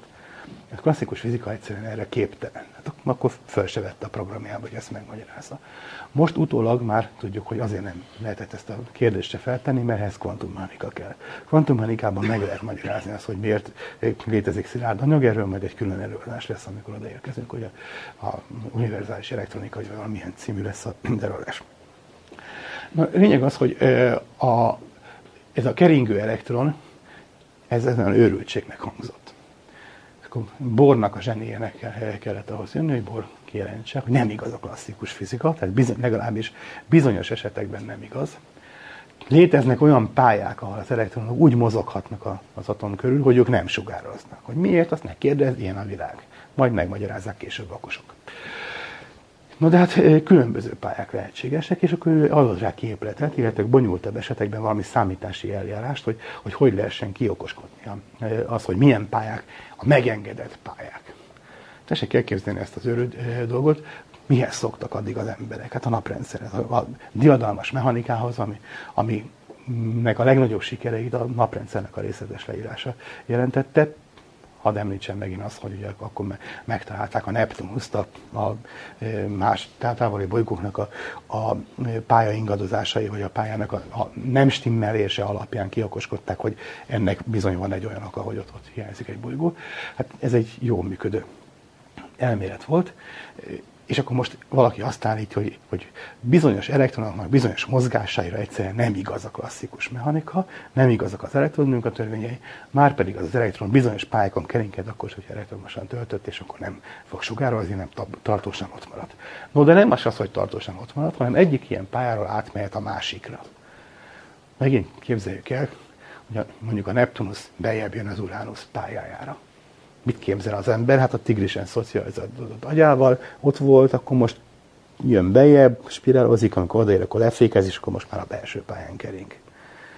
Nem úgy, hogy ott eltűnik, aztán itt megjelenik, mint a, mint a 200 forint, amit feladtunk. Tessék a Neptunuszt feladni a postán, és nehéz azt úgy átvinni. Most pár persze mindenki hall ilyen a teleportációkról, meg ugye most, most már tévéhez szocializálódtunk, ahol, ahol csak meg kell nyomni a gombot, és akkor lesugárzás, de szóval akkoriban azért ezt, ezt még úgy nem bírták elképzelni. Szóval hogy megy át az elektron egyik pályáról a másikra? Bohr azt mondta, ezzel se foglalkozzunk, ugorhat át. És közben kiadja az energiáját. Mennyi energiát hat, ami a két pályán keringés közti különbség. És akkor még hozzátette azt, hogy ezt az energiát, a korábban már majd arról is lesz szó, hogy másik jelenség kapcsán fedezett képlet, Planckféle képlet alapján át tudjuk számítani a frekvenciáról. Adott energiához tartozik adott frekvencia, tehát amikor az elektron átmegy az egyik pályára a másikra, akkor meghatározott frekvenciájú fényt sugároz ki. És ezzel utólag hirtelen meg lehetett magyarázni a spektrumokat. Nem a spektrum az önmagában értelmes dolog, nem abban kell a szabályszerűséget keresni, és azok a varázsképleteket, amiket Valmer meg egyebek találtak, hogy mi, melyik anyagnak miféle színképvonalai vannak, nem az a lényeg, hanem az adott anyagnak az atomjainak a szerkezete. Azt kell megmagyarázni, hogy milyen energiájú pályákon mozoghatnak ott az elektronok, és akkor az átugrás során a két energia különbségét kell kiszámítani, és abból már megvan az, hogy miféle frekvenciájú fény jön ki. Innen rögtön meg lehetett magyarázni azt is, hogy mit jelentenek a sötét vonalak a napnak a színképébe. Jönnek a nap felszínéről a mindenféle frekvenciájú eh, fényhullámok, és a nap fölött eh, lebegő atomok, azok viszont elnyelhetik, mert nem csak kibocsátani tudják a, a, az atomok az elektronokat, hanem elnyelni. És amikor kisebb energiájú pályáról nagyobb energiára ugranak, akkor elnyelnek, ha éppen találkoznak adott frekvenciájú fényjel. Megint csak fel lehet írni ezt a különbséget, hogy az energia különbség az a Planck állandószor a frekvencia, azaz a háttérből érkező fényből hiányozni fognak az adott színképvonalak. Ez a spektroszkópiának az egyik meglepetése volt, hogy az adott, anyagok ugyanolyan színű fényt bocsátanak ki, mint amit el tudnak nyelni. Tehát más kísérleti körülmények között adott frekvenciát bocsátanak ki, illetve nyelnek el. Hát most már tudjuk, hogy ez a frekvencia, ez két különböző energiaszint közötti energia különbségnek felel meg, és ha éppen a magasabb állapotban volt az elektron, leugrik, akkor kibocsátja, ha viszont alacsonyabb energiájúban volt, és kap egy külső gerjesztést, akkor fölugrik. Na de innen viszont azt nem lehetett érteni, hogy miért van folyton a spektrum. Hogyha az atomok ilyenek, nem értjük, hogy miért, de ilyenek, hát akkor miért van az, hogy bizonyos anyagok azok folyton a spektrum sugárzást bocsátanak ki. Például a felizzított szilárd testek. Ezek itt villanykörték, ha jól látom. A, a villanykörtében izzó szálnak megnézzük a spektrumát, akkor biztos van itt valahol egy prizma, ki lehetne esetleg vetíteni, legközelebb majd kísérleteket is csinálunk, nem? Tepi, van itt prizma? Hát, azt is lehet. Na, szóval mindegy, már legközelebb már a protonokról lesz szó, azon inkább nem kísérletezünk. Na mindegy, szóval mindenki elvégezhet a kísérletet. A villanykörte fénye az folyton a spektrum. Vajon miért? A szilárd testnek az atomjai azok nem úgy viselkednek? Hát erre aztán a válasz az már jóval később született meg, amikor a kvantumelmélet már odáig fejlődött, hogy nem az egyes atomok, hanem az összetett rendszerek, tehát például a szilárdtestnek a, a tulajdonságait megpróbálta leírni. Nyilván ezt most nem fogom matematikailag elmondani részletesen, de a két alapgondolatot kell itt, itt összefűzni, a többit aztán már csak úgy ricsázni. Először is az derült ki, hogy ezek a színkép vonalak, ezek nem teljesen élesek. Tehát, ha megnézzük a színképet, akkor nem azt látjuk, hogy a 476,02 nanométernél van egy vonal, és akkor se jobbra, se balra semmi, hanem ez egy véges szélességű vonal. Tehát ennyi egész 0,2 plusz-minusz egy tizednél még mindig van valami. De ha lerajzoljuk a fény intenzitását, akkor, akkor nem egy ilyen hirtelen vonat kapunk, hanem valami görbe, hogy fölme, itt a legmagasabb, és körülte van valami szélesség. Tehát egy kicsit nagyobb, egy kicsit kisebb hullámhosszon is van fény. Na most ez sokféle effektus okozhatja. Az egyik, amit aztán amire hamar rájöttek és kimagyarázták, az például a Doppler effektus. Az atomok mozognak. Ugye az a forrás, ami kibocsátja a fényt, az jön felém, akkor az általam észlelt fénynek a, a hullámhossza az egy kicsit kisebb lesz, nagyobb frekvenciája válik a fény, az a Doppler effektus. Ha távolodik tőlem, akkor meg a, a vörös felé tolódik el hogyha az atom egy adott hullámhosszú fényt bocsát ki, de az atom a hőmozgás miatt ide a szaladgálnak az adott testben a különböző atomok, vagy a gázban az atomok, eh, ezek hol egy kicsit nagyobb, hol egy kicsit kisebb eh, frekvenciájú fényt bocsátanak ki, tehát egy kicsit elkent eh, vonalat fog készlelni. Erre szokták mondani, hogy jelentős vonal profilja van ahogy a, fejlődtek a, a optikai berendezések, egyre finomabb felbontásban lehetett megnézni. Ugye Frankhofer csak rajzolgattak is vékony vonalakat, és próbálta színezni, hogy mennyire sötétek, mennyire világosak. Később azt a pici vonalat már ennyire szét tudták húzni, és észrevették, hogy az is különböző részvonalakból áll. Tehát van, van itt egy kis sötétedés közben, akkor itt egy, sötét, egy szélesebb, fényes, akkor megint egy kis sötétség, stb. Részletekből le lehetett rajzogatni. Erre mondták, hogy a spektrum finom szerkezete stb. Az egyes vonalaknak a szélességét meg lehetett mérni. Kvantumelmélet kapcsán kiderült, hogy elvileg sem lehet teljesen pontosan éles a vonal, tehát van egy minimális szélessége. Úgy lehet elkezdeni kis huplik, e, különböző Gauss görbéket rajzolgat az ember, hogy átfednek egymással. Ez az egyik dolog, amit hozzá kell tenni. Másik az, amikor több rendszert összerakunk, akkor ezek valahogy kölcsönhatásba lépnek egymással, egy kicsit megváltoztatja egyik a másiknak az energiaszintjét, és például, amikor a szilárdtestnek csinálja az ember a modelljét, egyre több atomot összerak, akkor a, mindegyik atomnak ugyanott voltak az energiaszintjei, az összetett rendszernek akkor több egymás közelében levő energiaszintje lesz. Tehát nem ugyanaz többször, hanem egy kicsit elcsúsznak egymáshoz képest, de annyi szint, ahány részecske van, mondjuk ahány atom. Ha sok atomot egymás mellé rakunk, akkor e, egy kis tartományban sűrű lesznek a vonalak. Na most kombináljuk ezt össze azzal, hogy a vonalak nem végtelen keskenyek, hanem egy kis szélességük van. Akkor előbb-utóbb elég sok anyagdarabot összetéve, akkor összeérnek ezek a szomszédvonalak nem? Tehát, mint hogyha még kis polcok, elég sűrű rakom a polcokat, akkor már mindenhol fal lesz, és nem fér be közé a nyakkendő. Tehát valami ilyen, ilyen módon össz, összeérnek a vonalak. Ez azt jelenti, hogy mindenféle frekvenciával, most már egy folytonos, nem, nem bizonyos diszkrét helyeken, hanem folytonos módon elhelyezkedő, akármilyen értékkel elképzelhető elektronenergia, és az ilyenek közötti átugrásnak akkor már akármennyi lehet a, a frekvencia. Tehát egy szilárd test például most már nem csak bizonyos diszkrét frekvenciákat tud kibocsátani, hanem folytonosan sokfélét. Tehát egy nagy darab anyagot kell összerakni, sok kicsi alkotórészből, ott akkor már a kvantumelmélet törvényei miatt más jellegű lesz a kibocsátás.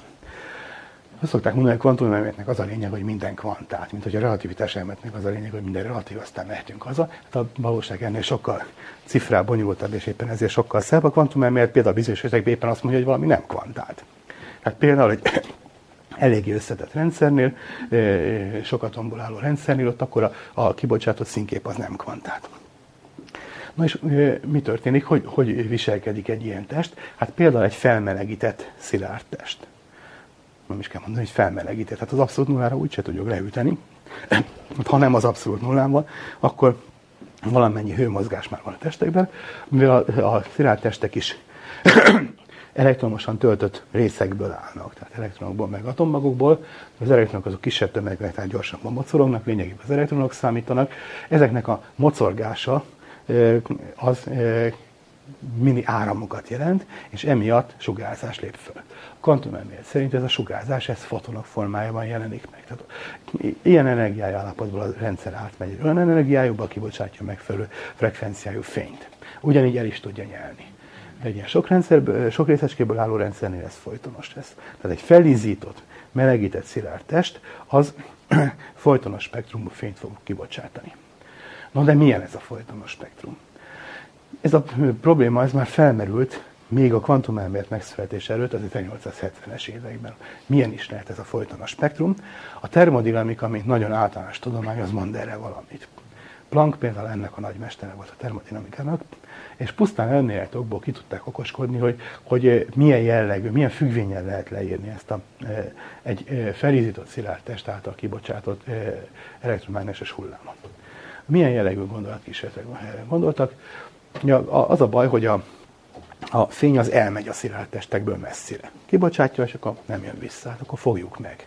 Tegyük tükrök közé, vagy az a legegyszerűbb, hogyha maga az anyag, a vizsgált test, az lesz a, az elnyerő. Hát az úgy kell csinálni, hogy veszünk egy testet, és abban egy lukat, egy üreget, tehát itt van egy szilárd test, és annak a belsejében egy üreg. Akkor ennek a fala kibocsátja a sugárzást, az ott az üregen belül terjed, elnyerődik a másik oldalon akkor ott fölmelegíti az anyagot, akkor megint kibocsátja. És akkor itt a lukon belül ide-oda szaladgál a sugárzás. Ennek az a baj, hogy benne van, én meg nem vagyok benne a lukba, és ezért nem látom. Azért ezt el lehet intézni. Úgyhogy egy pici, a, a testen itt fúrunk egy kis lukat, ott belül kialakul az össze-vissza verődő sugárzás, és itt kijön. És ami kijön, azt aztán megvizsgálom a spektroszkópomban. Na ezt hívják fekete test sugárzásnak. Nem azért, mert csak fekete testekkel végezni, de történeti oka van. Lényeg az, hogy az üregen belül kialakul egy ilyen sugárzás, és erről a termodinamikusok meg tudták mutatni, hogy ez nagyon általános tulajdonságainak független például attól, hogy milyen anyagból készül ez a, ez a test.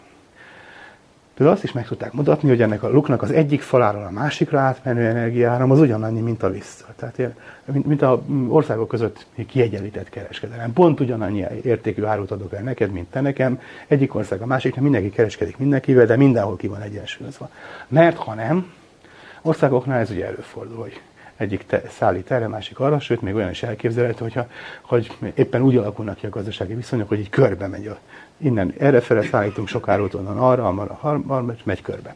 Hogyha a sziráltás különböző részei között ilyen energia körforgalom alakulnak ki, akkor, hogy Hajdani professzorunk mondta, ezzel lehetne szecskavágót hajtani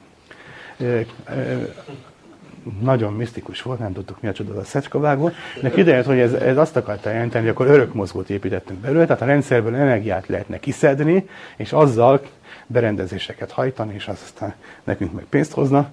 Tehát ez, ez az örök mozgónál a végső ér volt. Mi hosszú gondolatkísérletnek a végén kiderült, hogy ezzel lehetne szecskavágót hajtani, akkor tudtuk, hogy itt már nincs, és ez a berendezés nem létezhet. Természetesen a mai média nyilvánosságnál ezt mondjam, többen másképp fogják föl. Itt most nem a, a, annál a műfajnál tartunk, ahol, ahol a semmivel lehet szecskalágot hajtani. Szóval lényeg az, hogy a, a, a plankéknak és a többieknek az volt a, a szérvelése, hogy ha ennek a üregben kialakuló sugárzásnak ilyen meg olyan tulajdonságai lennének, akkor örök mozgót lehetne belőle csinálni, tehát nem lehet. És így nagyon sokféle tulajdonságot kiokoskodta, csak egy dolgot nem bírtak kitalálni, hogy pontosan milyen az a függvény, ami leírja azt, hogy a különböző frekvenciákon milyen sugárzást bocsát ez ki. Illetve volt egy modell, hát elővették a klasszikus fizikát, abból ki lehetett okoskodni, és az a hülyeség jött ki belőle, hogy az összenergia végtelen. Meg, megfelelő frekvenciákon ennyi meg ennyi e, energia van a rendszerben, le lehet rajzolni egy görbét, hogy akkor ennyi frekvencián ennyi energia, annyi frekvencián annyi, és össze kell adni a különböző frekvenciák, hoppá, végtelen jött ki. Mit is jelent ez? Melegítsük fel a testet, még egy fokkal. Akkor egy idő után kialakulott benne egy újabb egyensúly, az energiának egy része bemegy ide az üregben kialakuló elektromágneses sugárzásnak az energiájába, mennyit kell betenni? Hát pont végtelent. Azaz végtelen sok energia kell ahhoz, hogy egy fokkal fölmelegítsem a testet hú, akkor kaszálna csak a Gazprom.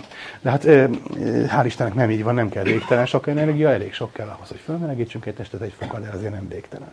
Ez az elméletileg bevezetett eredmény, ez nyilvánvalóan nonsens volt, nyilvánvalóan ellentmondott annak, amit közvetlenül gyakorlatilag tapasztaltunk. Hát meg kell mérni, hogy ténylegesen milyen ez az eloszlás. Elég nehéz, mert a berendezés az ugye micsoda? Hát építünk egy ilyen kis üreget, abban kialakult ez a sugárzás. némi várakozás után beáll az egyensúly, tehát a testnek, a falának a különböző részei ugyanannyi energiát bocsátanak ki, mint amit elnyelnek. A kis lukon kéne a sugárzás, azt vizsgáljuk a spektroszkóppal. Kiderült, hogy például ilyen probléma, hogy a berendezés meg a, a spektroszkóp között levegő van, és a levegőben széndiokszid van, és mint tudjuk, a széndiokszid az infravörös sugárzás jelentős részét elnyeli, tehát torzítja azt, amit mértünk. Ugye ilyen szép görbék helyett ilyen rücskör görbék jöttek ki a spektroszkóba, és akkor azt, hogy e, vissza kellett hazudni olyan igazi görbévé. Hát 1900 novemberében kapta meg Planck ezt a görbét, amit az akkori legfinomabb berendezésekkel megmértek, és hát próbálta értelmezgetni. Na most Ugye volt kétféle modell korábban. Az egyik, hogy hullámelmélet alapján, másik részecskeelmélet alapján. Az egyikhez illeszkedett a görbének az egyik része, másikhoz illeszkedett a görbének a másik része, de ez a görbe itt elszállt a végtelenbe, másik görbe ott elszállt a végtelenbe, a valódi görbe meg így nézett ki. Egyik végén ilyen volt, másik végén olyan. Most jön az egyik legcsodálatosabb matematikai vagy fizikai véletlen, ami fizika előfordult. Planck azt mondta, hogy vegyük az egyik görbe második deriváltját, a másik görbe második deriváltját, ezeknek a harmonikus közepének, közepét vegyük, és ezt visszaintegráltam. Most nem akarom a részleteket mondani. Lényeg az, hogy, hogy eh, csinált egy matematikai bűvészkedést a kétféle modellel, abból kapott görbékkel. Egyik se volt jó, de az egyik részén jó, másik részén jó. Ő emögé valami fizikai képet is képzeltek, emögé a matematikai eh, varázslás mögé, az a fizikai kép nem volt jó, mint utóbb kiderült. De a matematikai varázslás bejött, és az így kiszámított körbe az pontosan fette a kísérleti adatokat, ha eltekintünk azoktól a hibáktól, amiket itt a széndiokszid meg egyébek okoztak. Tehát ő kapott egy képletet. Na most megint csak az előbb már beszéltem arról, hogy annak idején hogy az volt a fizika, hogyha volt egy adott jelenségre egy képlet. Ma már nem az, hanem hogyha van egy program vagy szimuláció, meg egyéb, ami a, adott alapelvek alapján lejátszható a számítógépen, és úgy viselkedik, mint a valódi jelenség, tehát nem muszáj annak egy, egy kis képletben kicsúsosodni. Tegnap éjjel éppen találtunk egy adott jelenséggel egy képletet, tehát úgy éreztük magunkat, mint a 19. századi fizikusok. Mert ilyen is előfordul még mostanában is, de hát ez elég ritka. Na mindesetre a Planck megtalálta a képletet, ami ráillett a kísérlet Az ez nem magyarázat. Az, hogy a, a két modellel, amik egymásnak ellentmond, az, azokkal varázsol egy kicsit, és akkor kap egy, egy jó eredményt, ami illeszkedik a kísérletekhez, hát ez, ez nem stimmel, ezt meg kell magyarázni. És utóbb e, okoskodtak ki, tehát ezt elmondta a Tudományos Akadémia, meg bemutatta stimmel. Ugye akkoriban pozitivizmus volt a, a tudományos divat, ami azt jelenti, hogy nem magyarázni kell a jelenségeket, hanem leírni. Ezt látjuk, ez van, így, így kell leírni. Leírták, ki lehet pipálni, megvan. Hát őt speciál nem elégítette ki, és keresett valami magyarázatot. Mit írtunk magyarázaton? Hogy valami mélyebb, egyszerűbb alapelvekből levezetni, el, eljutni odáig az eléggé bonyolult észlelt jelenségig, vagy az azt leíró képletig vagy görbéig, néhány egyszerűbb fizikai feltevésből. Akkor ő megtalálta azt a fizikai feltevést, mégpedig azt, hogy itt a, ebben az üregben a sugárzás az csak bizonyos energiakvantumokban jelent, tehát nem lehet egy, egy ilyen lehetséges rezgés formának, nem lehet akár mekkora energiája, hanem ennek az energiának, a frekvenciának a konstans kell lenni. Ő még nem mondta azt, hogy a Planck állandóval kell szorozni, mert szerény ember volt, az csak később nevezték el róla azt állandót, amit itt be kellett vezetni. Pontosan hát mérések alapján kiokoskodta, hogy mi, milyen adattal kell ott szorozni. Ez természetesen nonsens. Lehet megint töprengeni, és tudománytörténészek sokat töprengtek, hogy valami magyarázatnak tekinthető ez. Az előbb ugye azt mondtam, hogy magyarázat, hogyha valami egyszerűbből levezetjük. Hát ez most sokkal bonyolultabb, mint a maga a jelenség. Mi az, hogy ellentmondunk a, a már jól bevált elektrodinamikának. Ellentmondunk az egész fizikának. Hát egy rendszernek az energia az annyi, amennyi, hát attól függ, hogy hogy indítom el. Itt a kő, amit meg ellökök az űrben, leteszem ide, van neki valamekkora potenciális energiája. Meglököm valamekkora sebessége, van neki valamekkora mozgási energiája, összeadom valamennyi. Ha egy kicsit másképp lököm meg, akkor kicsit más lesz. Senki nem mondja meg, hogy csak ennyivel nagyobbat lökhetek, vagy annyival kisebbet, a kettő között nem, mert akkor az Úristen rácsap a kezemre, hogy akkor nem lenne egész számú többszörös az energiája valamilyen alapkvantumnak. Stimmel? Tehát ezt nem lehetett érteni, mindesetre egy ilyen feltevésből le tudta vezetni azt a matematikai eh, formulát, ami illeszkedett a tapasztalatokhoz. Na, ebből a, a kísérletből indult ki a, a, eh, a kvantumelméletnek a, a eh, fejlődése. Tehát ugye ez volt az első kvantum. Amúgy az ember meglepődik, amikor, hogy hol lehet találkozni például ezzel a szóval, hogy kvantum, amikor a Gulliverbe találkoztam gyerekkoromban, akkor nagyon meglepődtem, honnan tudtak Gulliver idejében a kvantumokról. Kiderült, hogy ott sört ittak a nagy kvantumokban. Ez ugye azt jelenti a kvantum, hogy adag. Hát az ember szereti nagy kvantumokban a sört, tehát Planck állandó az túl kicsi egység lenne hozzá. De minden esetre e, e, innen származik ez a szó, tehát hogy megfelelő, meg, milyen adagokban e, lehet a, e, például itt az energiát e, adagolgatni. Ebből indult ki, de ezt nem vette senki komolyan. Hát jó, hát abban az üregben így van, hát a fene járt ott az üregbe, szóval Isten tudja, mi van. Mi van. 1905-ben egy másik olyan jelenség, ami nem akarok ilyen részletesen elmondani, a fényelektromos jelenségnek a, a részletes analíziséből jött rá Einstein arra, hogy egy, az elektromágnességnek és az atomos anyagnak egy másfajta kölcsönhatásánál szintén úgy kell ránézni a, az elektromágnességre, hogy csak bizonyos energia adagokban tud változni. Tehát itt most arról volt hogy az üregben jelenlévő, már kialakult sugárzás, az a, annak az energiája az nem lehet akármilyen, hanem csak kvantumokban lehet jelen. Einstein viszont ennek a sugárzásnak a keletkezésére és elnyelésére, tessék megint arra a pénzre gondolni, hogy a, a vagyonom az csak forintonként tud változni, és nem tud egy per gyökpi fillérenként szóval folytonosan nem tud változni. A, hogy a, amikor elnyelődik vagy kibocsátódik a sugárzás, akkor csak adagonként tud változni. És Einstein nevezte el ezt a, az egységet, ezt a most már nem energiaegységnek gondolták, hanem ténylegesen létező objektumnak. Miért? Mert például itt kiderült, hogy ennek nem csak energiája van, hanem impulzusa is. Tehát olyan, mint egy valamilyen értelme, mint egy golyó, hogy egy kis izé, aminek ennyi az energiája, annyi az impulzus, hát ez olyan, mint egy puskagolyó, vagy valami hasonló. És akkor ennek adott egy olyan nevet, ami kicsit hasonlított a már korábban elnevezett elektronnak a nevéhez, ugye az az elektromosságnak a kvantuma volt, hát ez meg akkor a fénynek a kvantuma, és így kapta a foton nevet. Tehát 1905, ezért most két éve, amikor a Einstein jubileum volt, akkor nem csak a, a relativitás elméletnek a száz éves évfordulóját kellett ünnepelni, hanem a fotonnak a századik születésnapját is. Igaz, hogy fotont mindenki tud itt csinálni, de a foton az, az pont száz éves. Na hát, akkor most már éppen ideje, hogy itt csináljunk egy kis világosságot, ha már a fényről van szó. A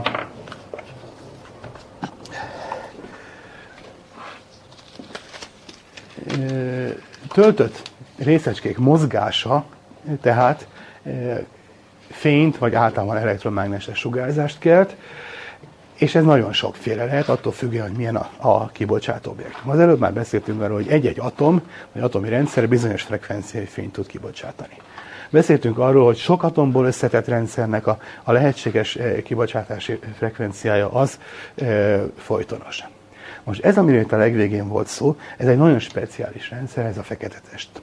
Mi is ez a fekete test? Ez nem csak egy egyszerűen egy, egy, egy szilárd objektum, hanem egy termikus egyensúlyban levő objektum, amely termikus egyensúlyban van nem csak önmagában, hanem az általa kibocsátott sugárzással is. És emiatt a sugárzásnak nagyon speciális tulajdonságai vannak. Tehát, hogyha lerajzoljuk a, a frekvencia függvényében az energiaelosztását, akkor egy nagyon határozott görbét kapunk. Nyugodtan lehet egészen másfajta sugárzást is feltételezni, aminek másfajta az eloszlása, de azt nem egy termikus egyensúlyban levő test kelti. Tehát ez az úgynevezett termikus sugárzás, vagy plankféle sugárzás, vagy, vagy hősugárzás. És ö, egészen döbbenetes módon, hirtelen most már visszakapcsolva a kozmológiához, ezt találták meg a 64-es eh, mérések során az univerzumban. Ez az a bizonyos eh, részecske, fajta, ez a bizonyos sugárzás, amiért már két Nobel-díjat is kiadtak. Az 1978-as Nobel-díjat Penzias és Wilson ennek a háttérsugárzásnak a felfedezéséért kapta meg, a 2006-os Nobel-díjat pedig ennek a, a finom szerkezetének a vizsgálatáért kapta, ezt már akkor mutogattam, sajnos ez nincs meg fólián, John Metter és George Smoot, tehát ők kapták meg a 2006-os Nobel-díjat ennek a, a Planck-féle sugárzásnak, ami az űrből érkezik, ennek a, a tulajdonságának a vizsgálatáért. Na, hogy kell érteni ezt a háttérsugárzást? Nézzük csak még egyszer ezt a hősugárzást. Ugye, hát, hogy kerül az űrbe, a vákumba, a kozmológiába a, a, a hősugárzás? Ha elfogadjuk az univerzumnak azt a modelljét, amiről a múltkor beszéltem, hogy a világegyetem az tágulóban van, és korábban másfajta állapotban volt, ha visszafele követjük, akkor valamikor sűrű volt. Sűrű összenyomott anyag az meleg, tehát valamikor sokkal melegebb volt, mint most. Az összenyomott galaxisgáz meleg volt, és a meleg anyag az sugárzást bocsát ki. Milyen sugárzást? Hát például hősugárzást. Hát ez az, amiből Maxwell és Planck annak idején kiindul. Itt van tehát ez a bizonyos abszolút fekete test, lehet tekerni? Jó. Ugye ez az a bizonyos üreg. Úgy kell elképzelni, ez a fekete itt körbe, ez a szilárd test, és itt az ürege. A szilárd test atomokból áll. Ezek a, itt a falban levő atomok, azok kibocsátanak valamilyen sugárzást, de ez nem tud kimenni, hanem itt ott elnyelődik. Ha ügyesek vagyunk, akkor úgy csináljuk, hogy itt csinálunk egy kis lukat, és akkor errefele ki, kimehet egy kis sugárzás, és aztán azt külső eh, berendezésekkel észleljük. Ez elég pici ahhoz, hogy ne befolyásolja a lényegében az ottani viszonyokat. Most a hagyományos nyelven hullámokkal írjuk le, tehát az üregben kialakulnak hullámok, és ezek kerülnek egyensúlyba a T-hőmérsékletű fallal. Most az új nyelven úgy is elmondhatjuk, hogy fotongáz van benne, tehát minthogyha ilyen kis energiakvantumok lennének, ezek már nem csak az energiának, hanem az impulzusnak is kvantumai, tehát valami kis izzi, ami innen megy arra. A kép rossz. Olyan értelemben rossz, hogy nem szabad oda rajzolni a kis zöld bigyót, mert speciál helyük nincs. Nem mondhatom azt, hogy itt van. Megint tessék a pénzre gondolni, amit feladtam, és ami volt Pesten, és van Szegeden, de közben nem járt Szegléden, és nem lehet megkérdezni, mikor kelt át a, a Tisztán vagy a vízválasztón. Mindenesetre egy e, félig meddig pongyolán nyelven úgy tudjuk leírni, mint hogy ez a fotongáz lenne, és ennek a, a sugárzásnak az energia eloszlását ez a bizonyos képlet írja le. Tehát hogy a hullámhoz, hogy a frekvencia függvényében a kettő egymásnak a reciprokat, úgy tudjuk lerajzolni. Van egy jellegzetes maximum, az a bizonyos kétféle elmélet, amit erőzetesen tudtak, az egyik része ennek a görbének ezt a részét írta le, a másik része ezt, és Plancknak az ügyeskedésével ezt az egészet le tudjuk írni egy képletben. Korábban a termodinamikából azt már kiokoskodták, hogy csak a frekvencia per a hőmérséklet arányától függhet ez a görbe, de hogy éppen milyen alakul ezt a görbe, azt nem tudták. És akkor er-, erre vonatkozik a Planck-féle képlet. Mit is jelent ez? Vegyünk két különböző hőmérsékletű testet, és mind a kettőre rajzoljuk a, a két görbét. Hát a nagyobb hőmérsékletűnek körülbelül így néz ki, a kisebbének meg így néz ki. Ez a ö, frekvencia, vagy hullámhoz szerinti eloszlás görbéje. Ez ugyanaz a görbe, csak így ki van nagyítva. Tehát így összenyomom, úgy kinagyítom.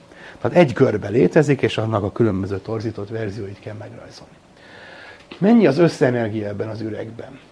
Ha vegyünk egy egységnyi, mondjuk egy köbcentiméteres tartományt, akkor az abban levő energiát úgy kell kiszámítani, hogy a görbe alatti területet itt összeadja az ember. Ha jól rajzoljuk, akkor kiderül, hogy, hogy minél nagyobb a hőmérséklet, annál inkább errefele van, annál magasabb a görbe, és a görbe alatti terület annál nagyobb. Kiderül, hogy a, a hőmérsékletnek, az abszolút hőmérsékletnek a negyedik hatványával arányos a, az összenergia a térfogat egységenkénti összenergiát, tehát ezt még meg kell szorozni a, a üregnek a térfogatával, hogy megkapjuk a benne levő összenergiát. Ez véges. A korábban rajzolt görbék, amik ilyenek voltak, az alatt a terület végtelen. Tehát akkor abból jött ki ez a nonsens dolog, hogy végtelen sok energiát kéne közölni ahhoz, hogy egy kicsit megmelegítsük ezt a testet. Hát ez már véges. Sőt, ezt a törvényt már korábban ismerték kísérletileg, ez volt a Stefan Boltzmann törvény. Az itt levő együtthatót azt meg kellett mérni. Most ebből a Planck-féle képletből le lehet vezetni ezt az együtthatót, össze lehet hasonlítani a tapasztalattal. Most érdekes dolog történik akkor, hogyha ezt az üreget tágítjuk. Mi történik? Úgy lehet például elképzelni, hogy vegyünk egy olyan üreget, középiskolában, termodinamikában mindenkit a dugattyúval meg a gázzal szoktak gyötörni. Vegyünk egy dugattyús rendszer, de most belülről legyenek tükrösek a falak, és most ne gázt tegyünk bele, hanem fényt. Természetesen a fény azonnal elnyerődik a falba, de legyen ideális tükör a fal, akkor nem nyerődik el, akkor ide-oda verődnek ott a, a hullámok. Ez ugye mindenkit megkímél attól, hogy ténylegesen megpróbálja elvégezni a kísérletet, tehát nyugodtan mondhatom tovább. Mi történik akkor, hogyha egy ilyen üreget tágítok állandó hőmérsékleten? Most legegyszerűbb ezt fotongáz nyelven el, elmondani. Kiderül, hogy a fotongáz sűrűsége az a hőmérséklettől függ, tehát, hogyha nagyobb lesz az üreg, akkor több fotonnak kell benne lenni, mert ugyanolyan sűrűn kell elhelyezkedni a fotonoknak. Mit is jelent az, hogy állandó hőmérsékleten tágítom? Mit csinál az ember azzal bizonyos középiskolás dugattyús eh, rendszerrel? Beágyazza egy hőtartályba. Tehát veszek egy nagy kád vizet, és abba beledeszem azt a dugattyús rendszeremet. A kád az marha nagy, tehát hogyha a dugattyús eh, gáz átvesztőre egy kis hőt, hát az nem nagyon befolyásolja a kádnak a hőmérsékletét, mert az sokkal nagyobb. Tehát egy ilyen hőtartály van körülötte, és a hőtartályból átvesz energiát, és az energiát arra fordítja, hogy újabb fotonokat kell ott. Tehát energiát kell betáplálni, hogy ugyanakkor legyen a fotonsűrűség, és hogy ebben a nagyobb üregben kiveszek egy egy köpcentit, ebből kivettem, mint egy köpcentit vagy itt, akkor azon belül ugyanazt találom, ugyanolyan görbét, ugye itt volt, hogy T1 hőmérsékleten miféle görbéről van szó. Így is lehet tágítani az üreget. Lehet tágítani az üreget úgy is, hogy nem, nincs hőtartály a környékén, tehát nincs hőcsere a környezettel, annyi energiája van neki, hát akkor annyi, nem kap többet. Megszorítások vannak. Kitágítjuk a tartályt, ugyanannyi foton marad benne, így lehet ezt elmondani, akkor azok ritkábban vannak azok a fotonok. Ha ritkábban vannak, akkor más görbe lesz, más lesz az elosztás, más a hőmérséklet. Tehát ezt a gáznál is megszoktuk. Ha hőcsere nélkül kitágítom a gázt, akkor lehűl. Most ezt másképp is el lehet mondani. Ugye a fotonoknak a, a hullámhossza az fordítva arányos a frekvenciával, és az energiájuk pedig akkor a frekvenciával arányos. Tehát egy, a kisebb energiájú rendszerben olyan, hogy a hosszabb hullámhosszú fotonok lennének. Úgy is el lehet mondani ezt a dolgot, hogy amikor az üreget megnövelem, akkor a benne kialakuló ilyen álló hullámok szintén hosszabbak lesztek. Ennek a fotonnak, ennek nagyobb, vagy ennek a rezgésnek nagyobb a hullámhossza, mint eredetileg volt. Nagyobb a hullámhossza, kisebb a frekvenciája, kisebb az energiája, ezért csökkent az átlag energiája rendszernek, mert a tágulás során megnyúltak a álló hullámok, megnyúltak a fotonok, az üreg méretével arányosan megnyúltak. Mivel az energia az a frekvenciával arányos, a frekvencia fordítva arányos a hullámosszal, tehát és az energia a hőmérséklettel, akkor a hőmérséklet az üreg méretével fordítottan arányosan változik. Most ha a részleteknek utána számolunk, akkor csiribé csiribá az történik, ez, ez megdöbbentő, ezt az ember nem várja. Ez egy olyan speciál, nagyon speciális görbe, hogy a plangörbe plangörvévé transformálódik át. Tehát, hogyha követi az ember a részleteket, hogy mi is történik, amikor kitágítom az üreget, akkor továbbra is plankelosztású lesz a sugárzás, csak más hőmérsékletnek megfelelő plankelosztású. Hogy lehetne követni ezt a részletet? Tessék elkezdeni ezt a bizonyos tükröz, belülről tükrözött hengert, amiben szintén tükrös dugattyú van, és elkezdem kihúzni a, a dugattyút akkor benne megy a fény és visszaverődik, de a mozgó dugattyú mi történik? Doppler effektus szenved. A mozgó dugattyú, a mozgó tükrön visszaverődő fény már kicsit más hullámhosszú lesz. Ez szépen részletesen az ember utána számol, akkor kiderül, hogy a fény, különböző fényhullámok azok megváltoznak, de összességében az egész az ugyanolyan eloszlású lesz, csak egy más hőmérsékletnek megfelelő eloszlású. Ez nagy varázslat, az ember azt várna, hogy valami egészen más eh, jön ki belőle. No, tehát a fotonoknak a sűrűsége az, az megváltozik, a fotonok száma állandó, hát akkor a fotonok sűrűsége az a térfogattal fordítva arányos, hogy az üreg méretét, hogyha erre jelölöm, akkor egy per R köbben lesz. Az energiasűrűséget hogy számítja ki? Az ember egy-egy foton energiáját megszorozza a, a fotonoknak a, a tehát a, a fotonok sűrűségével, a fotonok sűrűsége 1 per R köbbel változik, a fotonok energiájáról meg kiderítettük, hogy az pedig 1 per R-rel változik. Tehát az energiasűrűség 1 per R a negyedikennel fog, azaz az, az is kiderült, hogy a hőmérséklet fordítva van a mérettel, akkor T a negyedikennel. Összhangban vannak ezek a dolgok. A közönséges atomos gázban más a helyzet. Atomos gázban milyen energiákat kell figyelembe venni? Hát az ember a termodinamikában a mozgási energiát nézi, de hogyha eszébe jut az, hogy hozzá kéne adni a részegységnek a nyugalmi energiát, M-szer C négyzetet is, ott vannak a gázatomok, akkor az M-szer C négyzethez képest iciri-piciri a mozgási energiájuk közönséges gáznál, akkor legfőképpen az MC négyzetet kell nézni. Kitágítom a gázt, ugyanannyi anyag van nagyobb területre elosztva, ugyanannyi az össze-MC négyzet, hát ott egy per R köbbel fog változni a sűrűség ennek a különbségnek, hogy az univerzumban a, a, a fotongáznak a hőmérséklete egészen másképp változik, mint a, a, a atomos gáznak, ennek az univerzumban rettenten nagy szerepe lesz, mindjárt ezt meg fogjuk nézni. Csak először gondoljuk meg, hogy hol történik ilyesmi, hogy a, az üreget tágítjuk. Hát többféleképpen lehet tágítani, például így, hogy az ember vesz egy kísérleti berendezést, amiben fotongáz van.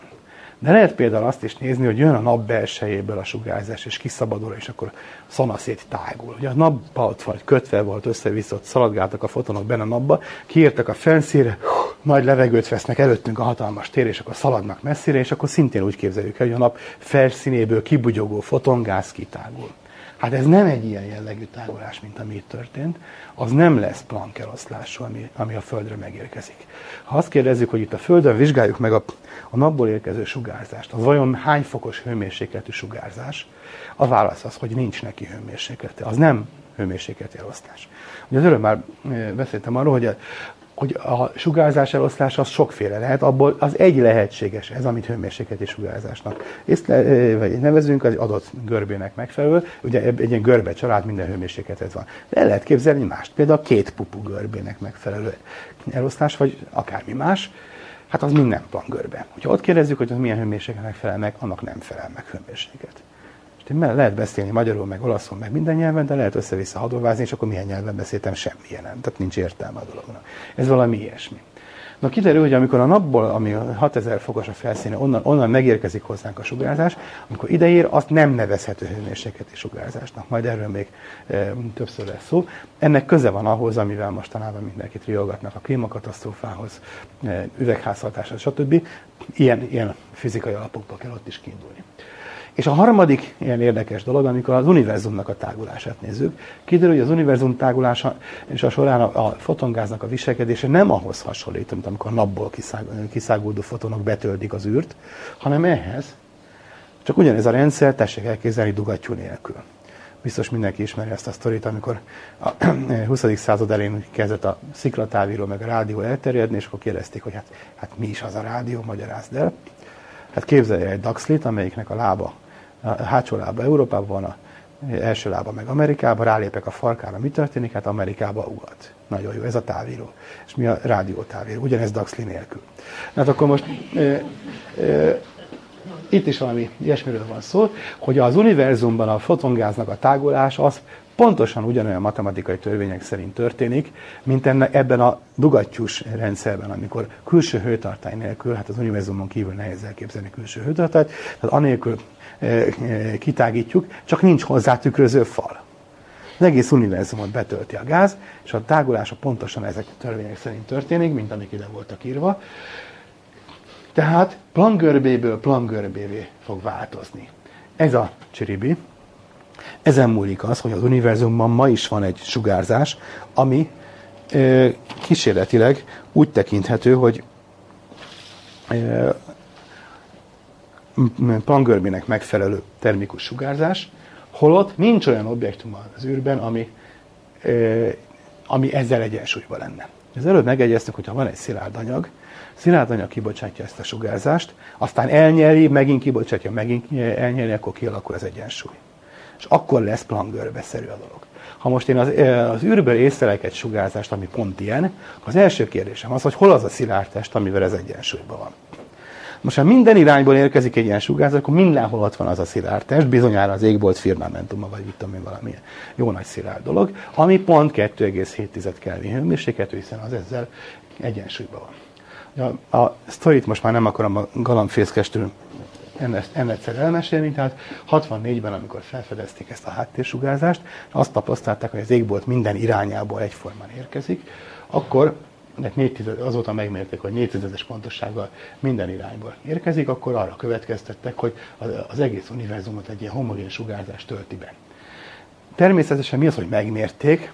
Hát elhúzhatom. E, ugye el kell képzelni ezt a görbét megint. Itt a görbe. A hullámhossz az, mettől, hát a világ, mettől meddig változhat. Nullától végtelenig minden adott hőmérséklethez tartozik egy ilyen jellegzetes hullámhoz, hogy hol van a csúcsa. Amikor a nap világít, az ugye a nap felszín az 6000 fokos. Egy gyertyaláng az 3-400 fokos. mind a kettő sárgán világít. Tehát a gyertyalángot meg tudom mérni a laborban, hogy az 300 fokos és sárgán világít. Mi világít a gyertyalánkba, ki tudja? A korom részecskék, azok izzók is szilárd részecskék, ugye annak felel meg, tehát nem, nem a gáz, mert a gáz az vonalas spektrumot adna, hanem azok a kis szilárd testecskék, amik ott vannak a, a gázlánkban, vagy a, a gyertyalánkban. Hát akkor az ember azt gondolja, ez is sárga, az is sárga, akkor a nap is 400 fokos. Hát a napról azt hallottam, hogy 6000 fokos. Kiderült, hogy hát nem is, nem is igaz. A, ö, hogyha itt a sárgában van mondjuk a, az izzó koromrészecskéknek a, a csúcsa, a napnak ki lehet számítani, hogy milyen hullámosznál van a, a nap sugárzás eloszlásának a csúcsa, hát az zöldben van. Tehát akkor ilyen értelemben a nap zöld, de hát tessék ránézni, az nem zöld. A trükk az most már nem a napban van, hanem az emberi szemnek a észlelésében. Azt külön vizsgálgatták, és külön e, e, tudományák volt, és szintén meg foglalkozott az, hogy hogy is működik a szemünk. Már volt szó ezekről a mindenféle kis részecskékről, vagy molekulákról, amik adott típusú e, hullámokra érzékenyek. Hát három különböző ilyen, fényérzékeny molekula van a, a szemünkben, amik lényegében három színű fénynek felelnek meg, de hát azért nem pontosan úgy, hogy ez érzékeli az ilyen hullámoszot, az az olyan hullámoszot, hanem van egy ilyen érzékenység eloszlás a hullámos szerint. Lehet olyan berendezéseket építeni, amik pontosan ennek a három molekulának megfelelő érzékenységűek, és akkor úgy tudják szétválogatni a színes fényt, mint az emberi szem. Amíg még volt magyar optikai ipar, akkor gyártottak egy ilyen berendezést, és azzal lehetett például én olyan mérésekbe vettem részt, ahol a vörösboroknak a színét kellett ilyen vizsgálni, és akkor hogy abban mennyi vörös, mennyi sárga Az a baj, hogy előtte bele kellett tenni olyan vegyszert, amitől ihatatlanná vált a mert különben nem lehetett a mérést elvégezni, de sajnos mindegy. De a lényeg az, hogy az emberi szemnek tudjuk, hogy milyen itt az érzékenysége, és kiderült, hogy a sárgára nagyon érzékeny, tehát a hullámosznak jelen, vagy a hullámhoz tartománynak jelentős részét sárgának látjuk, és hiába igaz az, hogy a, a napfénye az zöldnél maximális intenzitású, de ez az egész hosszú van ez itt mind sárga, tehát összességében ez a tartomány fog számítani, és ezért globálisan sárgának tűnik, holott a legnagyobb leg, e, intenzitással egy kis zöld fény érkezik. Hát ez van. Na mindesetre ezeket a görbéket kell megnézni. Egy ilyet észleltek Penzersz és Félzon, de mit észleltek belőle? Egy ekkora darabot. Jó nagy hullámhosznál. Ennyit. Hát azt mondták, hogy az bizonyára ez a görbe. Szóval nem volt eléggé meggyőző mérés. Miért nem észlelték a többit? Mert az nem jön át a, a Föld, vagy nem jön át a Föld légkörén. Ők rádióhullámokban dolgoztak, tehát megint tessék elképzelni, hogy amikor már nagyon kicsi a hőmérséklet, akkor az a görbe itt van valahol. Tehát ennek, ennek az ilyen lapos görbének ezt a kis részét észlelték, és ez a tartomány meg nem jön át, a, a földi légkör elnyeri. Az űrből érkezik, akkor valamennyit látunk. Ahhoz, hogy ezt ténylegesen az egész görbét észlelni lehessen, ahhoz fel kellett menni az űrbe, ahol a levegő már nem nyeri el. A 1980-as évek eh, végén sikerült föllőni azt a műholdat. Korábban már tervezték, a 60-as évektől kezdve tervezték a berendezést. Aztán szó volt arról, hogy fölviszi a eh, masinát az űrsikló. Akkor történt a Challenger katasztrófa, ami miatt néhány évig nem repültek az űrsiklók. Akkor végül áttervezték a masinát úgy, hogy beférjen egy hagyományos rakétába, és azzal végül föllőtték 89-ben. Amikor bekapcsolták és bekalibrálták, 7 perc alatt meg volt a mérési eredmény hát évekig kellett várni rá, hogy a berendezés oda menjen, ahol tud mérni, és megkapta ezt a plangörbét. Mindjárt mutatom a plangörbét.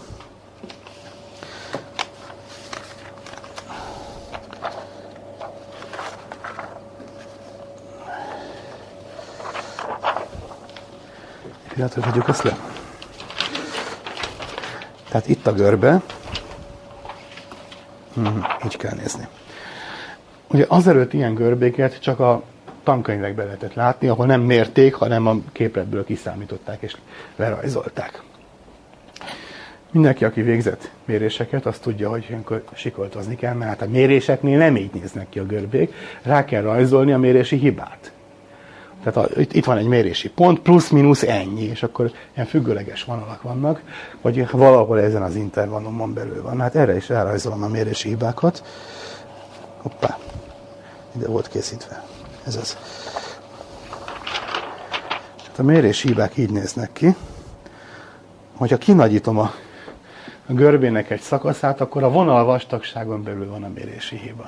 Ilyen iciri piciri azok a, a, a hibajelek. Tehát ez volt a, a 1989-es eh, Kobe-műholdnak a tehát eh, Background Observer, stb. Tehát egy kozmikus háttérsugárzást észlelő műholdnak a, a csodálatos és tökéletes plangörbéje. Azért tessék észrevenni, hogy ez sem ám a fényhullámos tartományában van, tehát centiméteres rádiósugárzás tartományában van. Tehát ahhoz képest, amit az előbb rajzolgattam, ami ilyen iciripicir, azoknak itt van a fénynek, itt van valahol a csúcsa, és a, ez meg a sokkal kisebb hőmérséklet megfelelően a nagyobb hullámosszak irányába tolódott, de, de tökéletes és nagyon pontos plangörbe volt. E, tehát az űrből érkező sugárzás az valóban egy ilyen plangörbének felel meg, mégpedig a, ugyanak idején azt mérték ki, hogy 2,7, most már hozzáteszünk még két tizedest. Tehát ennél sokkal pontosabban tudjuk, hogy e, mekkora hőmérsékletnek felel meg ez a valami. Ott tartottunk. Ezek tehát ilyen centiméteres nagyságrendű fotonok, át lehet számítani fotongázra. Az jön ki, hogy körülbelül 500 millió foton van köbméterenként. Viszont ha megszámoljuk az atomos anyagot, akkor mondjuk vannak ilyen helyek, mint a Föld, vagy itt ez a szoba, ahol egy kicsit nagyobb a, a sűrűség, de az univerzum átlag sűrűsége durván szólva egy proton per köbméter. Itt egy kicsit több, tehát 10-20 valahányadikon van egy, egy, egy köbcentiméterben, meg ilyenek, de hát ez egy ilyen kis nem tipikus hely. Na most az az érdekesség, hogyha ezt kiszámítjuk az energiáját a rendszernek, a protonoknak az energiáját úgy kell, hogy m c négyzet, azt, azt kiszámítjuk, tehát a proton tömegét megszorozzuk a fénysebesség négyzetével. Ezeknek a fotonoknak meg a E egyelő házszornőképlettel számítjuk ki az energiáját. Tudjuk, hogy centiméteres hullámhosszúak, Planck állandót előveszünk a táblázatból, és megszorozzuk azzal 500 millióval, és akkor kapjuk ezeket az adatokat, hogy az atomos anyagnak a energiasűrűsége Mondjuk az energiasűrűséget át lehet számítani a tömegsűrűségre, megint az E elő MC négyzetképlettel, 10-30-on gram per köbcentiméter nagyságrendileg, a sugárzásé pedig négy nagyságrendel kisebb. Tehát az 500 millió foton köbméterenként az összességében tízezred annyi energiát képvisel, mint az az egy nyomvat proton az ő e, tömegével. Miből van ez? Hát a háttérsugárzás, meg egy kis, kb. 10%-nyi csillagfény van. Ez a háttérsugárzás, mindjárt látni fogjuk, ez már az univerzum ősi kora óta itt van. Azóta született néhány csillag, és azok még termeltek egy kis fényt. Az a kis fény kutyafüle elhanyagolható ehhez a, a háttérsugárzáshoz képest, szóval nem szól bele lényegesen az univerzumnak a fotonmérlegében. Viszont itt van ez a bizonyos képet, ha visszafele megyünk az időbe, akkor a háttérsugárzásnak, a, sugárzásnak a sűrűsége, az energiasűrűsége az más törvény szerint változik. Egy per erre a negyediken az azt jelenti, hogy gyorsabban változik, mikor, gyorsabban csökken, amikor az univerzum tágul, mint a, az egy per R köbbel változó e, atomos anyag sűrűség. Ha visszafele megyünk, akkor elérkezünk olyan korszakig, amikor a, e, a kettő egyforma volt.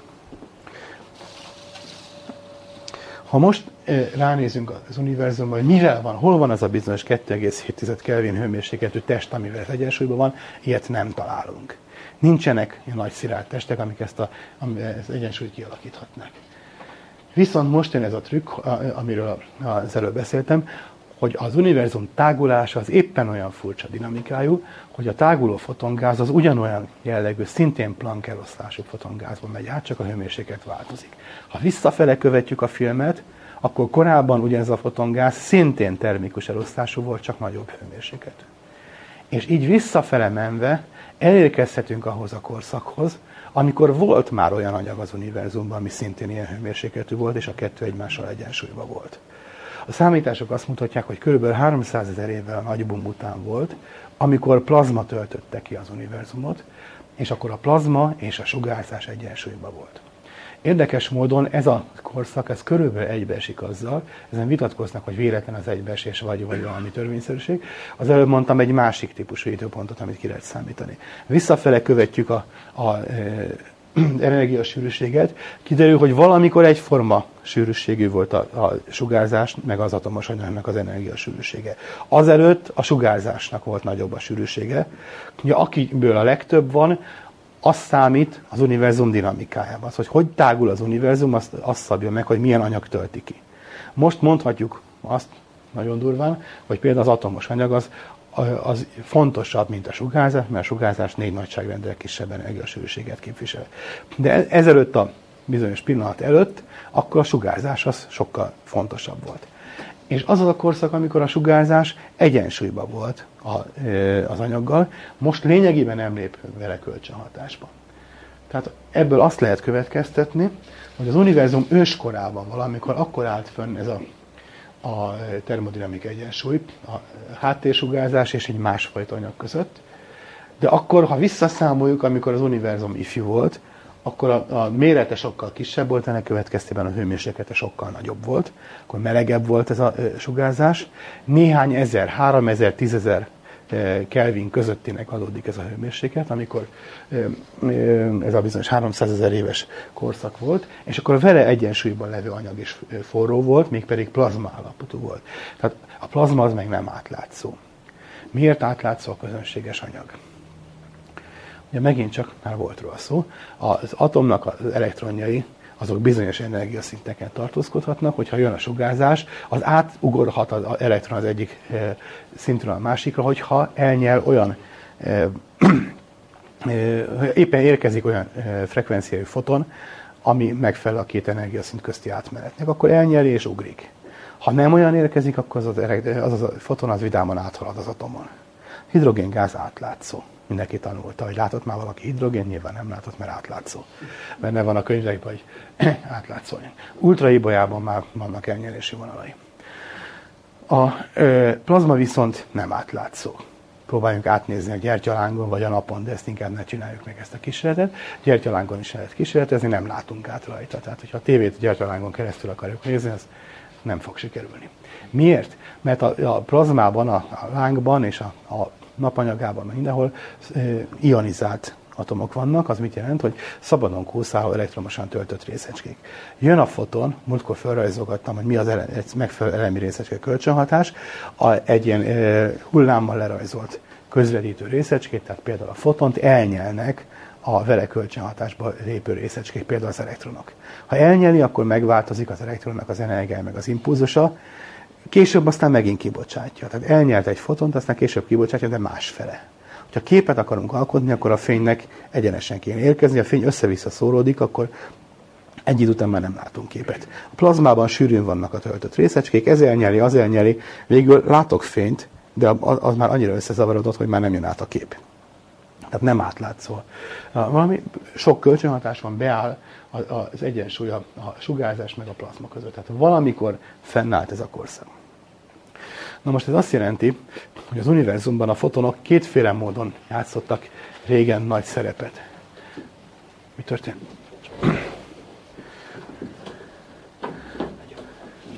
Uff. Kicsit hosszúra sikerült, de hát az univerzum az 13 milliárd éves. Okay. Jó. E, igazából még csak most kezdem. Na, e, Szóval kétféle módon kell most elmesélni. Két különböző korszakban kell a fotonoknak a szerepét elmesélni. Az egyik az a korszak, amiről most beszéltem, amikor tágul a fotongáz magába. Amikor lényegében nincs kölcsönhatásban másféle anyaggal, ekkor őrzi a korábbi állapotot, és mivel annak a korábbi állapotnak az utolsó pillanatában éppen termikus eloszlású volt, akkor ezt örökíti tovább, és most is termikus elosztású, csak kisebb hőmérsékletű. Ez, amit mi mikrohullám a háttérsugárzásként látunk. A korábbi korszakban viszont azt kell megmagyaráznunk, hogy ezek a fotonok mivel voltak kölcsönhatásban, és hogy csinálták ezt a kölcsönhatást, és akkor milyen tulajdonságai voltak az anyagnak, és milyen szerepet játszottak a fotonok. Térjünk át a másik fóliára. Itt, itt hagyjuk ezt nyitva.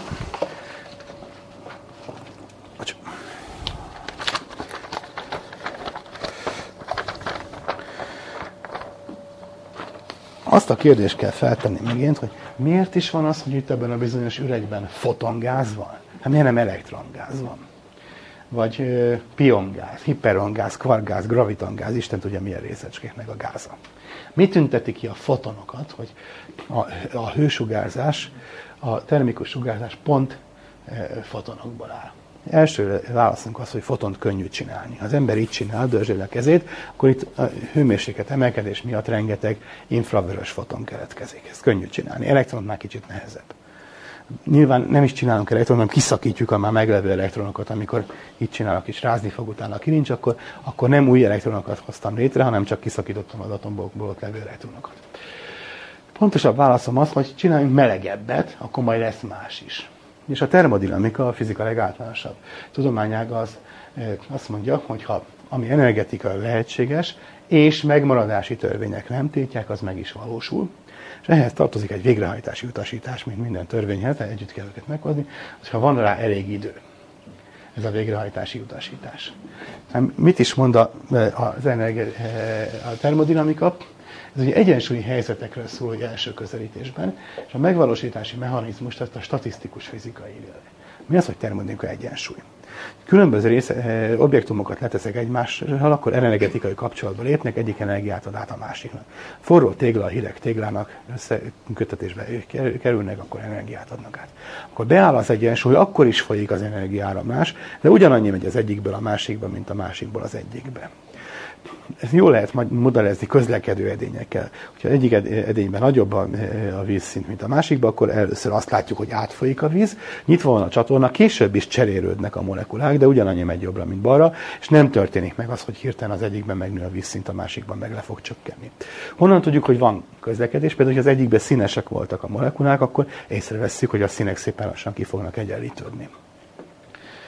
Tehát a termodinamika egyensúlyban a különböző részei a rendszernek olyan értelemben egyensúlyban vannak, hogy energiát, részecskét, mindenfélét cserélnek, de oda-vissza ugyanolyan jellegű folyamatok vannak, és átlagosan ugyanez. A termodinamika egyensúlynak az a jellemzője, hogy nem érzékeny a részletekre. Tehát a, a egyensúlyba jutott objektumnak a leírása az egyszerűbb, mint a nem egyensúlyoké.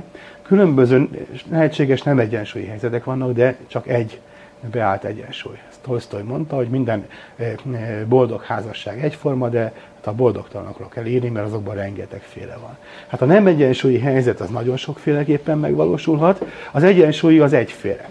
Tehát ha tudok valamit egy rendszer, annyit tudok, hogy egyensúlyban van, akkor egy paramétert kell megmondani, mennyi a hőmérséklet, és abból ki tudom számolni a részleteket. Na most itt a közönséges fizikában itt például azt is meg kell mondanom, hogy milyen anyagról van szó. Tehát a tégla, vagy a hidrogéngáz, vagy az asztallap, meg mit tudom én, minek a egyensúlyáról van szó. A nagy a hőmérséklet, ahol már megszűnik a különböző anyagoknak az egyedisége, már elpárolgott az asztal, meg egyebek, és ott akkor atomok keletkezhetnek, vagy részecskék keletkeznek, meg megszűnnek, akkor már se kell megmondani, mert akármilyen anyagból indulok ki, jó melegé változtatom, akkor egyforma lesz, és akkor Pusztán csak a hőmérsékletről kell nyilatkoznom, és a hőmérséklet meg, megmondja, hogy mi történik. Persze még valamit kell tudnom hozzá, a fizika törvényeit. Hogy egyáltalán milyen lehetséges részecskék vannak, mik lehetnek ott, és ezt a múltkor megbeszéltük, hogy a standard részecske fizikai modell ez ügyben nyilatkozik, közli, hogy kik a szereplők. És mint az opera fináléjében, akkor mindenki ott van, és mindenki együtt énekel. Hát ez a termodinamika egyensúly. Szóval valami ilyesmi kell érteni. Mi az a hőmérséklet, ami jellemzi? Az az átlagos energia. Tehát ha megmondom az összenergiát, összenergiát, hogy hány részecskére kell elosztani, akkor az egyensúly elosztja. Szépen kialakul demokratikusan egy ilyen egy egyensúly. Az egyes objektumokra az a jellemző, például egy, részecskére, hogy a, az energiája és a másik típusú tulajdonságai, például a lendülete, az impulzusa között milyen kapcsolat van. Egy tipikus részecskére, mondjuk elektronra ez a zöld görbe mondja meg, hogy az impulzusa és az energiája között mi van, az egy hiperbolának a darabja ez a nulla impulzusnál is van neki energiája. Ez a nevezetes Einstein-féle MC négyzet nyugalmi energia. Ami akkor is ott van a részecskének, hogyha éppen nem mozog. Ha mozog, akkor több energiája van. Egy másik tömegű részecskénél úgy kell megrajzolni, hogy ugyanebb innen indul a hiperbola, csak más helyre érkezik, vagy kisebb tömegűnél meg ide érkezik. Kivétel a foton. A fotonnál a lila görbe számít. A fotonnál úgy néz ki, hogy az energia arányos az impulzussal, és a nulla impulzusú fotonnak nulla lenne az energia, hát olyan éppen nincsen. Viszont ez azt jelenti, hogy tetszőlegesen kicsiny energiájú fotont is létre lehet hozni. Ennél kisebb energiai elektron egyszerűen nem létezik. Tehát, hogyha elektront akarok a semmiből csinálni, akkor legalább ennyi energiának kell de nem árt, hogyha egy kicsit több van. Fotont akarok csinálni, akkor ilyen kevés is elég. Tehát ezért fotont könnyű létrehozni. Most az átlagos energia az pont a hőmérséklettel arányos, és éppen ezért át tudjuk számítani azt, hogy, hogy mennyi energia kell egy elektron létrehozására. Most vannak még ilyen technikai bonyodalmak, hogy egy elektront azért nem lehet létrehozni, mert ahhoz még elektromos töltés is kéne energiát tudok valahonnan kölcsönözni, elektromos töltést nem. Ezért az elektron párban kell létrehoznom az antirészecskével, egyik pozitív, másik negatív. Tehát igazából nem MC négyzet, hanem kétszer MC négyzet energiát kell beszerezni. Hát az ember egy milliót kér kölcsön, akkor már két milliót is kérhet nyugodt, ez körülbelül ilyen nem forintról, hanem elektronvoltról beszélünk. Na, ugye a részecskék e, energiáit ez a képlet írja le, az, amit ott mutattam, a zöld görbének így néz ki, ugye M négyzet plusz P négyzet az nagyobb az M négyzetnél, a fotonnál viszont az energia arányosabb P-vel, hogyha a C egyelő egy egységrendszerben dolgozunk, a C nem, a fénysebesség nem egy, akkor így néz ki. Tehát mindesetre, hogy az átlagos energia kisebb az MC négyzetnél, akkor nem lehet elektront kelteni. Akkor ebből ki tudom számítani, hogy mekkora energia tartozik ahhoz, hogy elektront csináljunk. Hát, hogy ténylegesen tudjunk számolni, térjünk át a gyakran kell a későbbiekben atomfizikával alkalmazott energiaegység, ez az elektron volt. Veszek egy kondenzátort, rákapcsolok egy, egy volt feszültséget, és ide teszek egy elektront, akkor az a elektromos tér miatt elkezd gyorsulni, becsapódik a másik elektródába, és akkor közben kinetikus energiára, mozgási energiát tett szert. Amennyi energiája lesz, ezt hívjuk egy elektronvoltnak. Ezt át lehet számítani zsúlra, hát 18 nagyságrend különbség van, tehát egy közönsége zsúl, amire az ember fizet, sőt kilozsúlért fizetünk, hát az, az odéban az elektronvolthoz képest, az elektronvoltban meg az ő többszöröseiben szoktunk számolni a fizikában. A mai részecske gyorsítók tera elektronvoltosok, tehát egy részecskénél mi az a tera? Hát az ugyan, mint ezer egység az a kiló. Egy millió egység az a mega, egy milliárd egység a giga, és a billió az a csak hogy angolul a billió az milliárdot jelent, tehát ezer milliárd, ez nagy, nagyjából ugye a, a magyar költségvetés száma, azt mondhatnánk akkor, hogy az egy teraforint, tehát milyen jó hangzik, tehát olyan nagyságrendnél tartunk. Körülbelül 100 tera elektronvoltot fognak most majd a most megépülő nagy gyorsítóba egy részecskére összpontosítani, azért az elég nagy. Na másrészt van egy ilyen átszámítási eh, eh, tényezők, ugye már a Boltzmann állandóval a hőmérséklet és az energia között tudnak egy ilyen kapcsolatot létesíteni, és ezért akkor az elektronvoltot, mint energiaegységet át tudjuk számítani Kelvére hőmérsékletre. Szia! Eh, na hát akkor ezt lehet megjegyezni, hogy egy elektron volt, az kb. 11 ezer Kelvinnek felel meg egy ilyen átszámításban. Az elektronnak a tömegét az MC négyzet képlettel átszámíthatjuk elektronvoltra, az derül, hogy fél millió elektron volt. És hogyha azt ebből a képletből átszámítom hőmérséklet, akkor 5 milliárd Kelvint kapok. Ez azt jelenti, hogy ha 5 milliárd fok hőmérsékletet csinálunk, akkor egy átlagos fotonnak annyi energiája lesz, mint egy elektronnak, tehát a foton tud elektront csinálni. Pontosabban, hogyha kétszer ekkora, tehát 10 milliárd fokos hőmérsékletet csinálunk, akkor egy, egy fotonnak lesz két MC négyzet energiája, és abból létrejöhet egy elektron meg egy pozitron pár. Akkor az ember azt mondja, hogy elővesszük ezt a bizonyos üreget, és fölmelegítjük 10 milliárd fokra. Hát, alá gyújtunk, stb. És akkor akkor már ott nem csak fotonok lesznek benne, mert ugye emlékezzenek arra a görbére, ami az előbb volt, hogy a, a fotont kis energián is lehetett csinálni. A legkönnyebb elemi részecske, amikor ezt írtam, akkor még úgy volt, a legkönnyebb elemi részecske az elektron, hát annak, annak akkor a, annak érjük el először a nyugalmi energiát, melegítünk, akkor már a e, egy szabadsági fokra jutó energiából már lehet egy elektron-pozitron párt gyártani, és akkor az üregben bizonyára megjelennek az elektronok meg a pozitronok. Na ez a baj, hogy az üreg fala ezt kevésbé fogja bírni. Az üreg jóval hamarabb szétmegy, mert miből áll az üreg? Hát az, atomokból áll, az a szilárd test, és az atomok is elektronoknak meg egyebeknek a kötött állapotai. Most már éppen ott tartunk, hogy elektronokat akarunk gyártani, az elektronok egyediségét megszüntetni. De az atomok azok elektronokból összerakott, valami olyan, tessék elkezdeni, hogy meg akarják olvasztani a, mondjuk a papírt nehéz olvasztani, de képzeljék el kártyavárat ilyen alumínium lapokból. Az ember építi a kártyavárat, és akkor közben olyan hőmérséklet van, hogy már megolvad az alumínium, akkor nehéz alumíniumból kártyavárat építeni. Szóval valami ilyesmiről van szó. Mert jóval melegebb van, már az atomok, amik a öreg falában vannak, már rég szétmentek, egymástól először elszakadtak. Ahhoz mi kell? Ahhoz pár száz vagy pár ezer fok kell, hogy, hogy szétszakadjanak. És most meg már milliárdnál tartunk, akkor már az atomok is szétszakadnak, meg az atommagok is. Tehát amikor olyan nagy a hőmérséklet, hogy, hogy már nem csak fotonokat, hanem más részecskéket is tudunk kelteni, akkor már nincs üregfala. Megszűnik az a kettőség, amit korábban láttunk, hogy van az üreg, és van az ő sugárzás és a kettő közti kapcsolat. És a kettő közötti egyensúly. Hanem az, az üregfalában levő részecskék, meg a keltett részecskék, azok egységes nagy katyvasszával vannak össze. Ezt hívjuk részecske plazmává. Részecske plazmának. És valamikor régen, amikor az univerzumban ilyen hőmérséklet uralkodott, akkor ez a bizonyos részecska plazma volt ott jelen. A anyag fala és a hősugárzás az nem két külön dolog, hanem ez is, az is plazmává vált. Mi volt? Mindenféle elemi részecskék, fotonok meg elektronok alakulgatottak egymással. Egymásba. Beáll a termodinamika egyensúly. Tehát ilyen melegen, és az univerzumban volt ilyen hőmérséklet, tehát az első néhány másodpercben ilyen meg még melegebb hőmérséklet uralkodott, akkor ott volt a rengeteg foton, csak nagyon nagy energiájúak voltak. A mostaniaknál sokkal nagyobb energiájúak.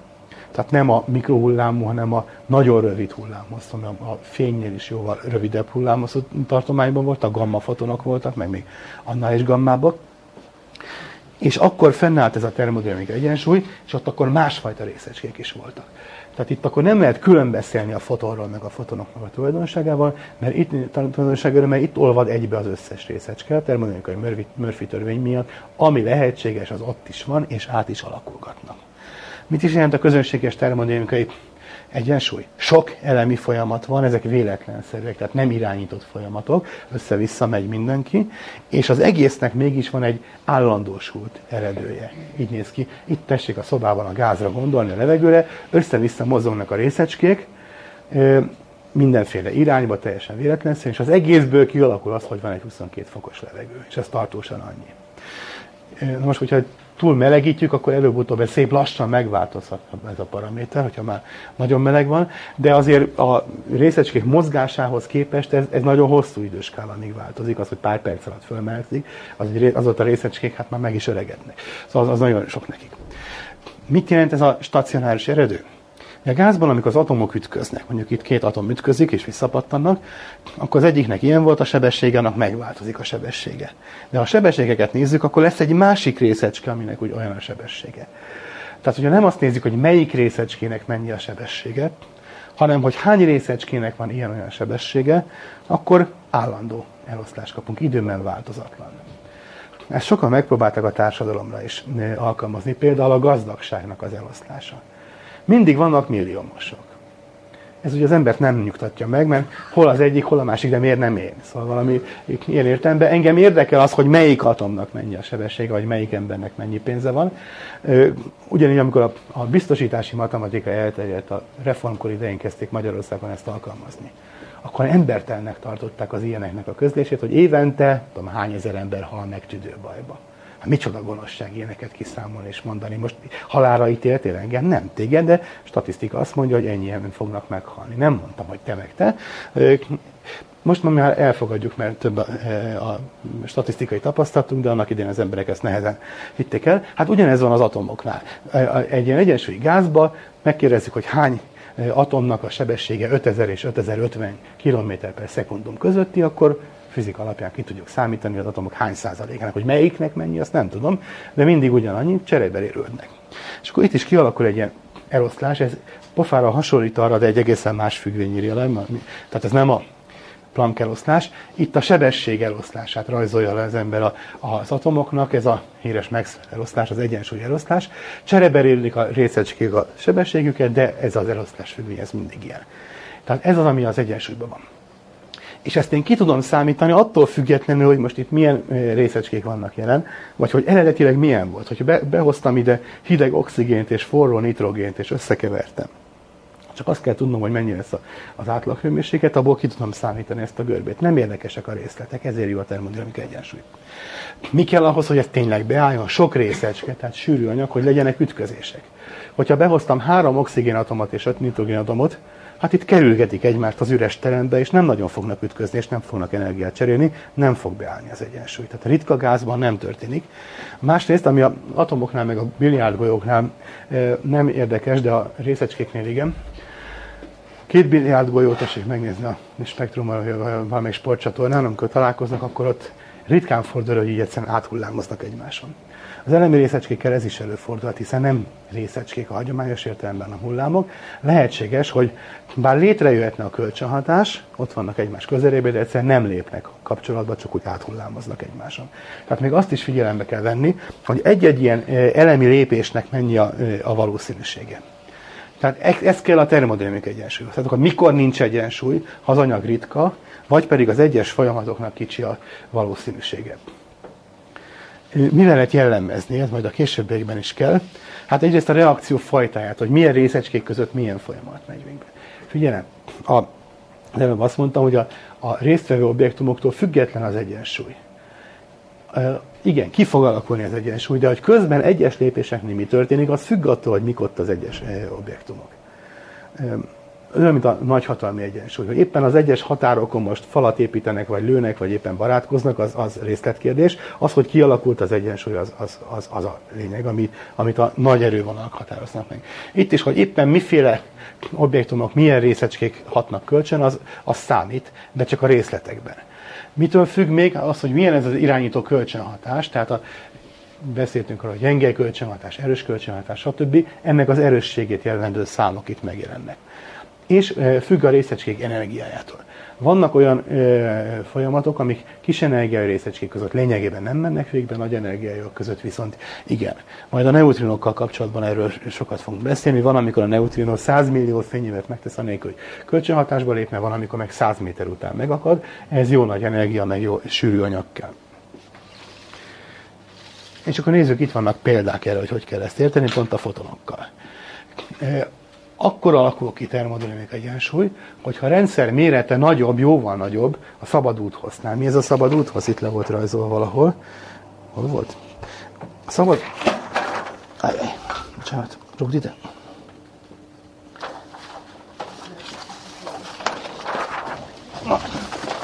Szabad úthoz azt jelenti, hogy két ütközés között mennyi utat tesz meg a részecske. Itt ütközött, megy, megy, akkor megint ütközik, és akkor megint elkanyarodik.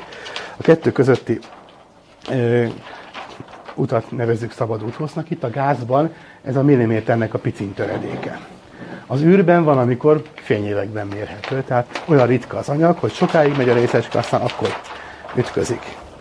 De ezt elmondhatjuk időben is, hogy két ütközés között átlagosan eltelt idő mennyi. Ezt meg a repülési időnek szokás nevezni. Tehát megy a részecske, mennyi idő múlva ütközik. Nyilván a két adat kapcsolatban van egymással, és az pedig a részecskének a sebességétől függ, azt meg a hőmérséklet határozza meg. Tehát akkor alakulhat ki egyensúly, hogyha a rendszer mérete nagy a, a szabad úthozhoz képest. Tehát a részecske megy, ütközik, megy, eh, megint ütközik, és még mindig benne van a vizsgált rendszerben. Ha közben kirepült, akkor már nyilván nem történik meg ez a, az eset.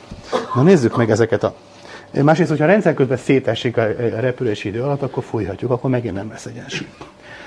Itt van az a bizonyos üreg e, sugárzás, ez itt a szilárd test, és a belsejében ott a foton. A szabad úthoz mennyi, mennyit repül a foton? Hát az üreg méretét. Innen megy odáig, aztán ott elnyelődik. E, hát ez nagyon rövid idő, ugye egy ilyen centiméteres üreget, ebben a távolságot nagyon rövid idő alatt megteszi a foton, de nem megy ki a rendszerből, mert hát itt nem tud áthatolni a szilárd testen. Tehát mindig itt benne marad, ott pattoghat ide-oda, így mondhatjuk. Tehát az, bár a szabad úthoz az nem sokkal kisebb, mint a rendszer mérete, de a, a rendszer élettartalma az ennél jóval nagyobb ennél az időnél, amíg itt átszalad, tehát a sok ütközés lesz, és beáll az egyensúly az üregben. Ehhez hasonló a helyzet a csillag belsejében.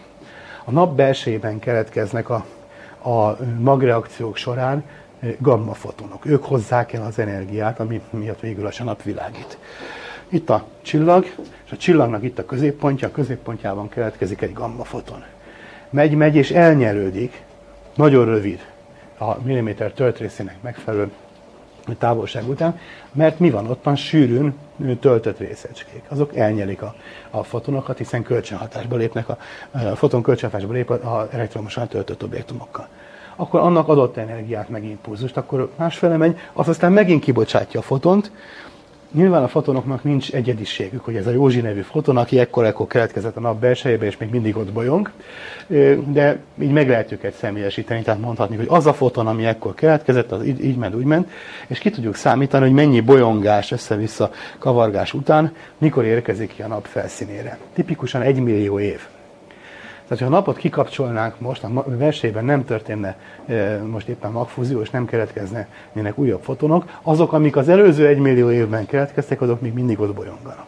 Nem kell a napra gondolni, elég egy cserépkályhára. Most éppen hallottam a rádióban, hogy most a gázdrágulás miatt mindenki cserépkályhát épít, hát mi kell ahhoz? Jó vastag samotfal.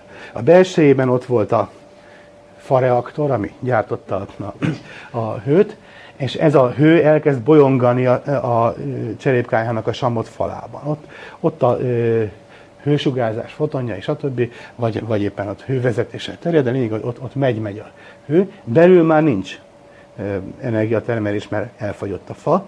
A fal még tartja benne bolyongó hőt. Aztán kiér, és akkor ki fogja sugározni.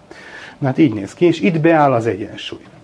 Na most ez az az egyensúly, amit az előbb mondtam, hogy lassan változnak a paraméterek, mint amit a szoba szép lassan fölmelegszik, aztán egy idő után már életre alkalmatlaná válik, de közben mindig termodinamikai egyensúly van. Ugyanígy itt a nap belsejében egy 14 millió fok van, a termikus egyensúly a 14 millió foknak megfelelő, a felszín közelében meg 6000 fok van, és közben szép lassan változik. Na, de hát ez a távolság ez 700 ezer kilométer. Szóval egy-egy foton, amikor egy kicsit odébb megy, akkor még ugyanolyan körülmények között találja magát, és amikor nagyon messzire van, akkor már messzire diffundált, akkor érezzük azt, hogy ott már kicsit mások a viszonyok. De mi történik, amikor ez a foton eléri a felszínt? Megérkezik a nap felszínére, és hopp, ott egyszer csak már nincs plazma. És akkor aztán innentől elszalad messzire. Ez az, amit az előbb említettem, hogy innentől akkor itt most már a szabadúthoz mekkora? Szabadúthoz az már fényévnyi nagyságú. Legközelebbi elnyelő objektum, már mondjuk a Föld, az is jó messzire van, de esetleg elmegy fényévekre, vagy 100 millió fényévekre a csillagból a fény. Az nagyon nagy, a rendszer méretéhez képest nagyon nagy. Itt akkor már az ütközések ritkák. Nem alakul ki termikus egyensúly. Ha kiszámítjuk, hogy ez itt egy ilyen plangörbeszerű volt, akkor később milyen lesz? A csúcsa az hol van? Megegyeztünk, hogy a zöldben.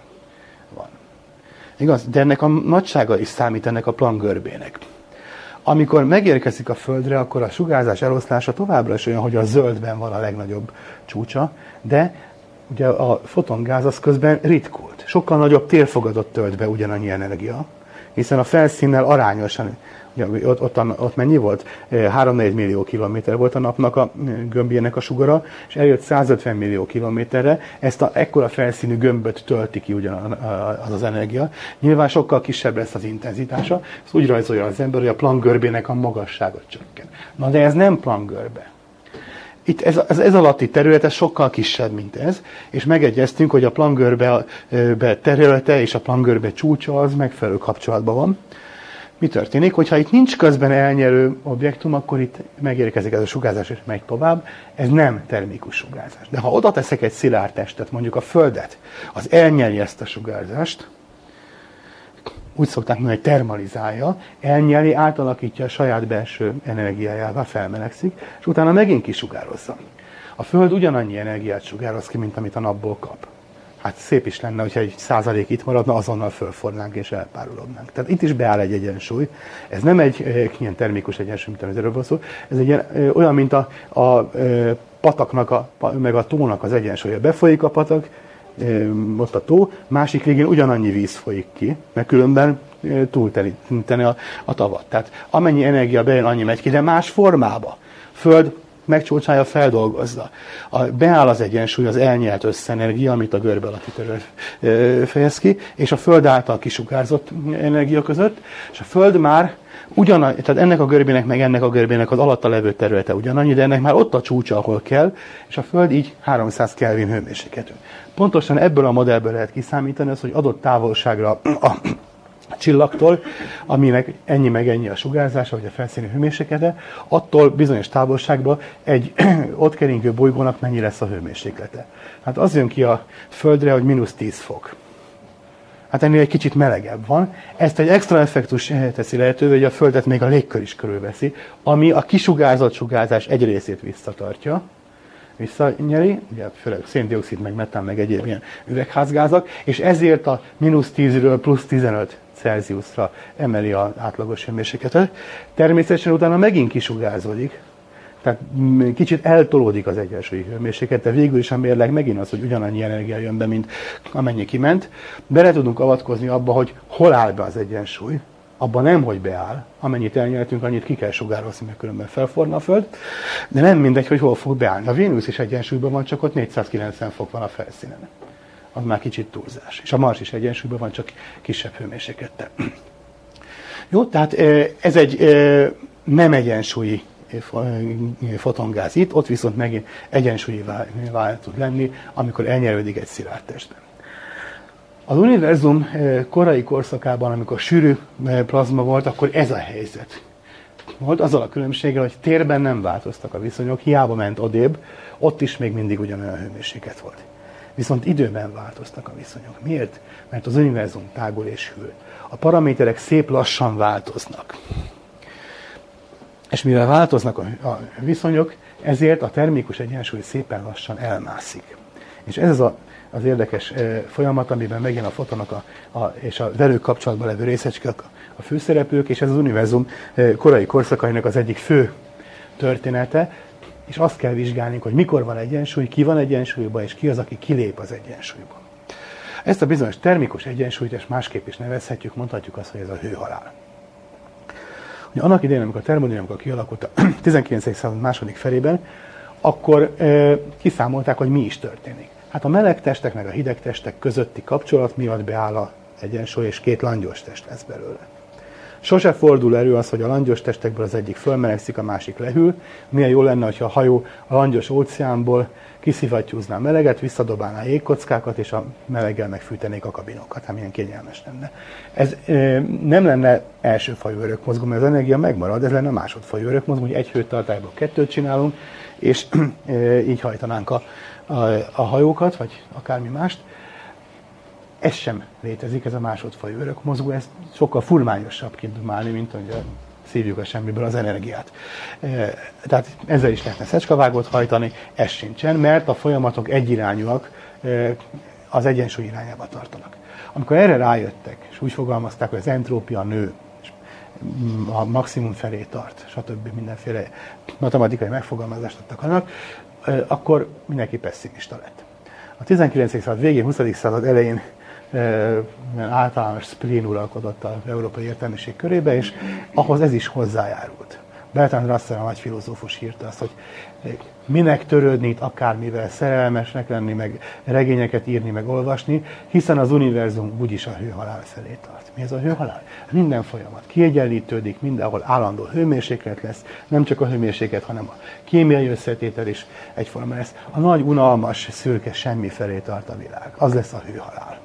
Ez volt itt a, a e, kérdés, hogy hát igen, ilyen a világ, erre felé tart. Most éppen láthatóan nem vagyunk a hőhalálban, a világban vannak melegebb, meg hidegebb helyek, sűrű, meg ritka helyek, később minden szépen egyenletesen be fog állni.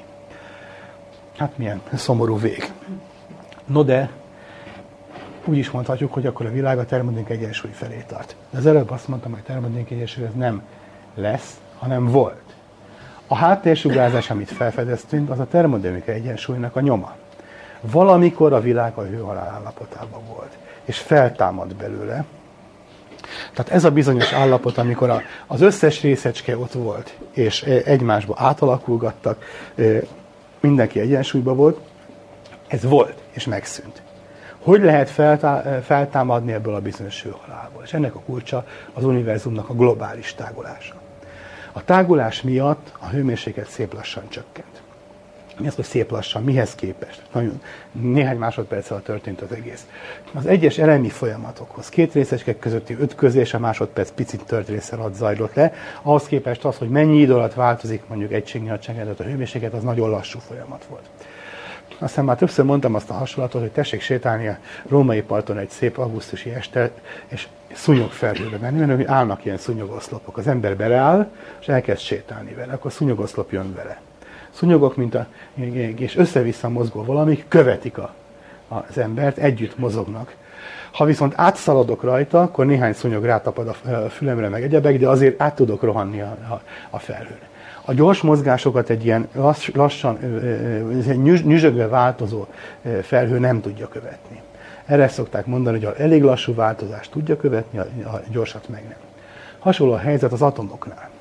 Ugye itt vannak a szilárd testekben az atomok, és körülötte ott nyüzsögnek a jóval kisebb tömegű és gyorsabban mozgó elektronok. Hogyha a szilárd testet deformálom, például egy rugót összenyomok, meg egyebek, akkor az ember nem gondolja azt, hogy az atommagokat kirángatja az elektronok közül, mert rugót odébb mozdítom, hát az elektronok mennek vele. Így nyüzsögnek, nyüzsögnek, és együtt mennek az atommagokkal.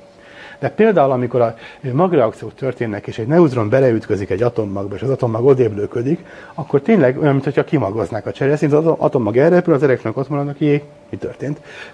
Megszűnt a mag, elrepült. Mert hogy ez a folyamat ez gyorsabb, mint az elektronnak meg az átlagos mozgási ideje. A gyors folyamatokat nem tudja követni. Azt kell itt vizsgálni, és ennek a részleteit dolgozták ki itt a 70-es években, hogy hogy is történt ez, univerzum eh, globális dinamikája, mint a gravitáció, az, az egy időskálát, egy tágulást, egy hőmérséklet változási skálát. Adott hőmérséklethez tartoznak azok a részecskék, amik részt tudnak venni az egyensúlyban. Micsodák? Azok, amiknek a kétszer MC négyzete kisebb, mint az átlagos hőmérséklethez tartozó energia. Ilyeneket tudnak kelteni a fotonok, meg a, a egyéb részecskék, ugye nem csak a fotonkelt részecskepárokat, hanem össze-vissza minden részecske átalakul mindegyikbe, de így a legegyszerűbb számogatni.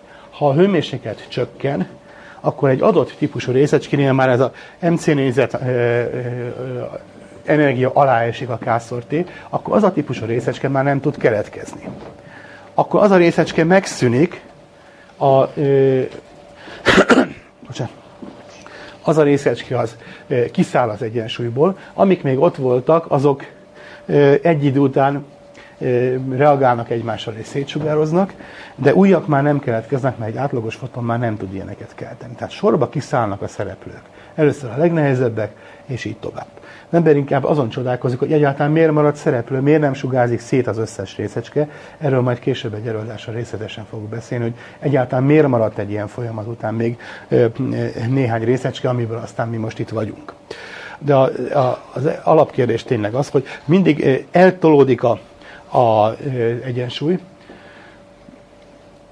Ugye szokták ezt a kisgyerekeknek a rend, rend és rendetlenséghez való viszonyával érzékeltetni ezt a dolgot, hogy akinek van gyereke vagy, vagy kisöccse, azt tudja, hogy, hogy beengedi egy szobába, akkor pillanatokat beáll a termodinamika egyensúly, a játékok, hogy elérik az abszolút káosz állapotát, onnantól ez már hiába rakosgatom ide-oda, nagyobb kupi már nem lesz. Tehát az, az, az akkora marad, amekkora, tehát elértük a maximális rendetlenséget. Na most, ha viszont közben kinyitjuk a szomszéd szobát, akkor a gyerek oda is beszalad, és ott is próbál rendetlenséget csinálni, egyre újabb szobákat nyitunk ki, akkor lehetséges, hogy mivel meg megváltozik az elérendő állapot, hogy egy szobában a rendetlenség, vagy öt szobában a rendetlenség, vagy 50 ezer szobában változik, ezt nem bírja követni a folyamat, és annak ellenére, hogy folyamatosan csinálja a rendetlenséget, mégis a relatív rend az egyre nagyobb lesz. Tehát ilyen típusú változások történhetnek. Az univerzumnak a globális paraméterei változnak, és a, a, a helyi dolgok nem tudnak ehhez alkalmazkodni. Így módon támad föl az univerzum a, a hőhalálból, azért, mert az egész tágul és az pedig a gravitáció az egésznek a dinamikája okozna. Most már nagyon késő van, tehát itt ennek a részletében nem tudok belemenni. Természetesen ehhez a folyamathoz később vissza fogunk térni, hiszen itt összekapcsolódik a fotonoknak a tulajdonsága sok más részecskével.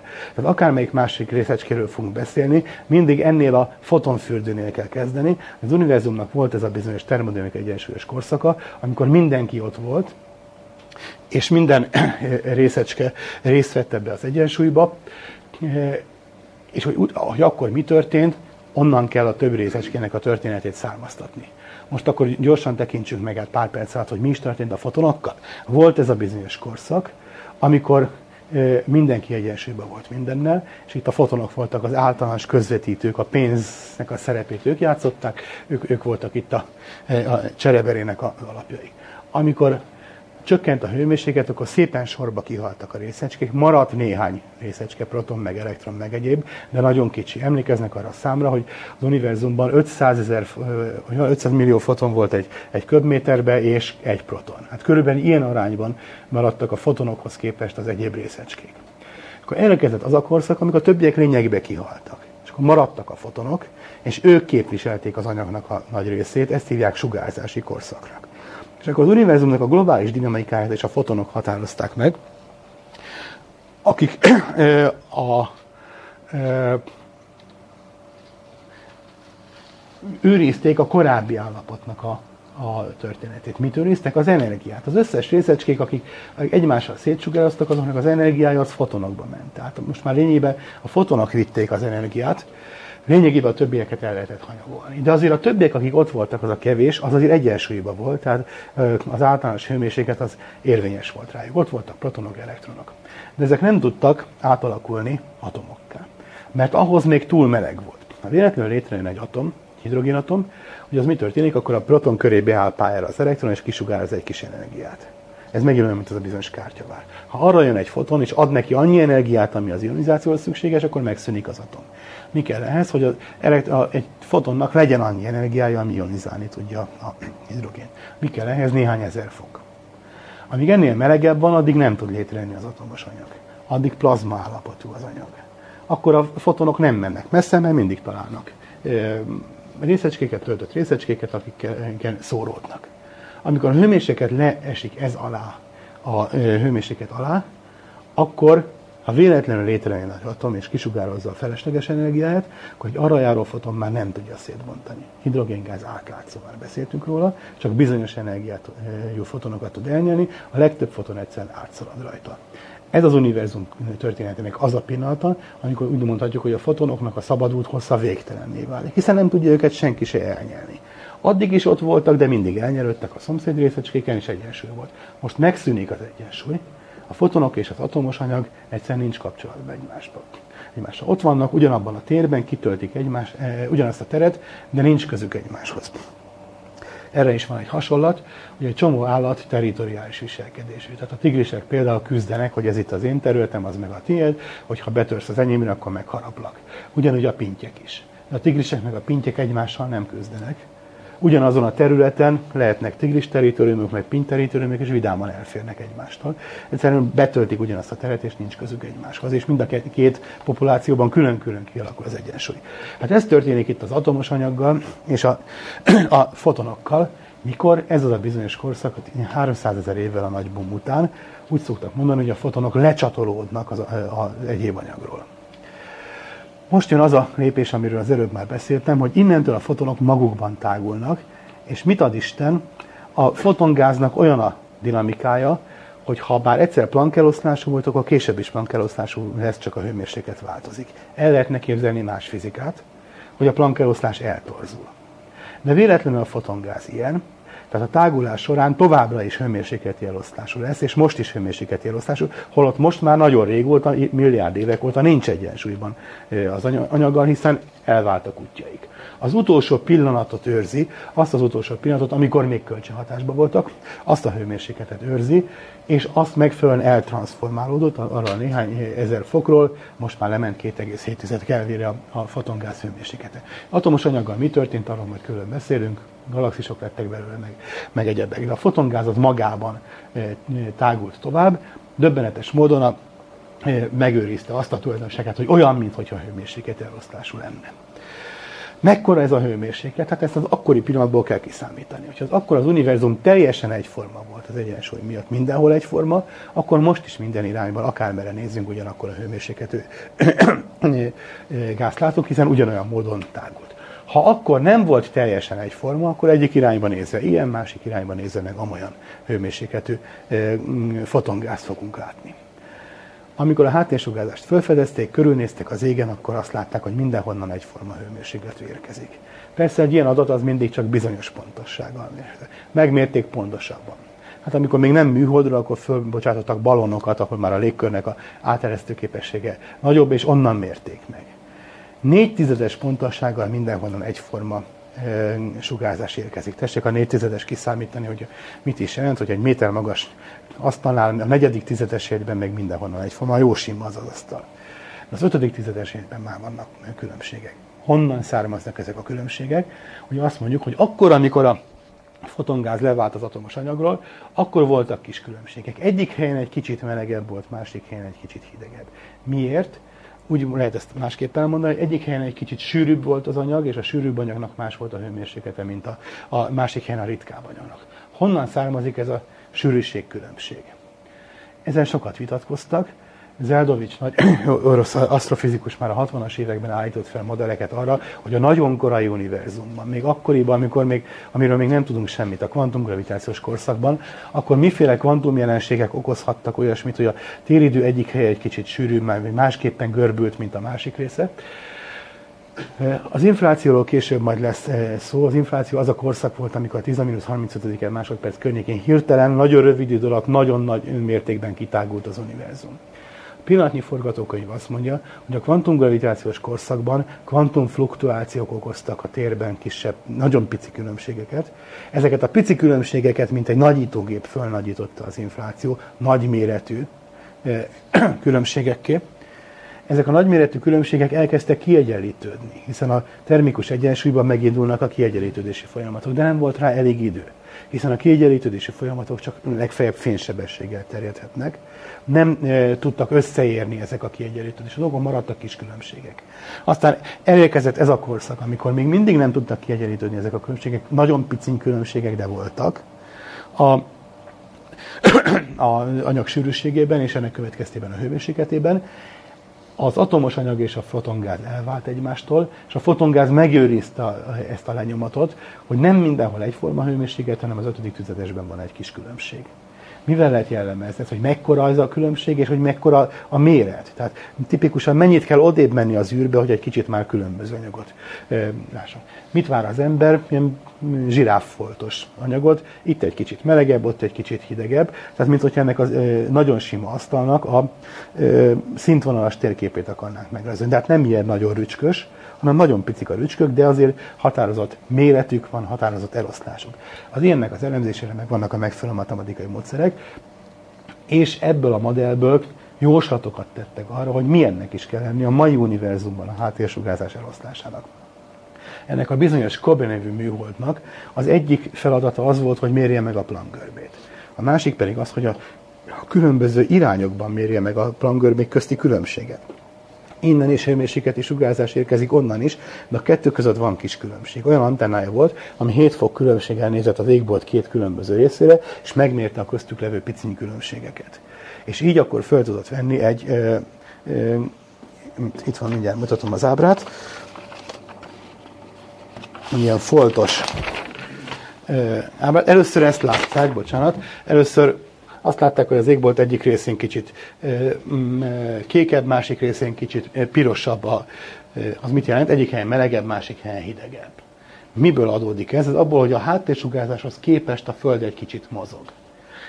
Ez az, az amit a Meyer Zombolim kísérletnél vártak. Kimutatták az éterhez képesti mozgásunkat, csak hát ez nem az éter volt, hanem a háttérsugárzás. Erről majd még részletesen lesz szó. Na jó, hát ezt az abszolút effektust, ezt a nagy égi koszinusz levonjuk, akkor marad ez a zsiráf volt.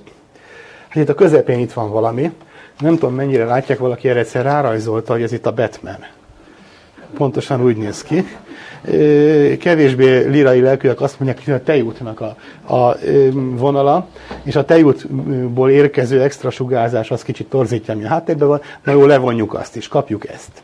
Na ez az a, az ábra, amire a Nobel-díjat kiadták. Tehát, hogy a háttérsugárzásnak ez az eloszlása. Egyik helyen egy kicsit melegebb, másik helyen egy kicsit hidegebb. 7 fokos. Tehát ugye ez az egész éggömb, olyan, mint az a földgömb, amit úgy szoktak rajzolni, itt van Amerika, és Alaszka már át, vagy, vagy itt van Amerika, Alaszka már átlóg ide, meg ilyesmi. Szóval ez egész gömböt ábrázoló térkép akar lenni, az egész éggömb.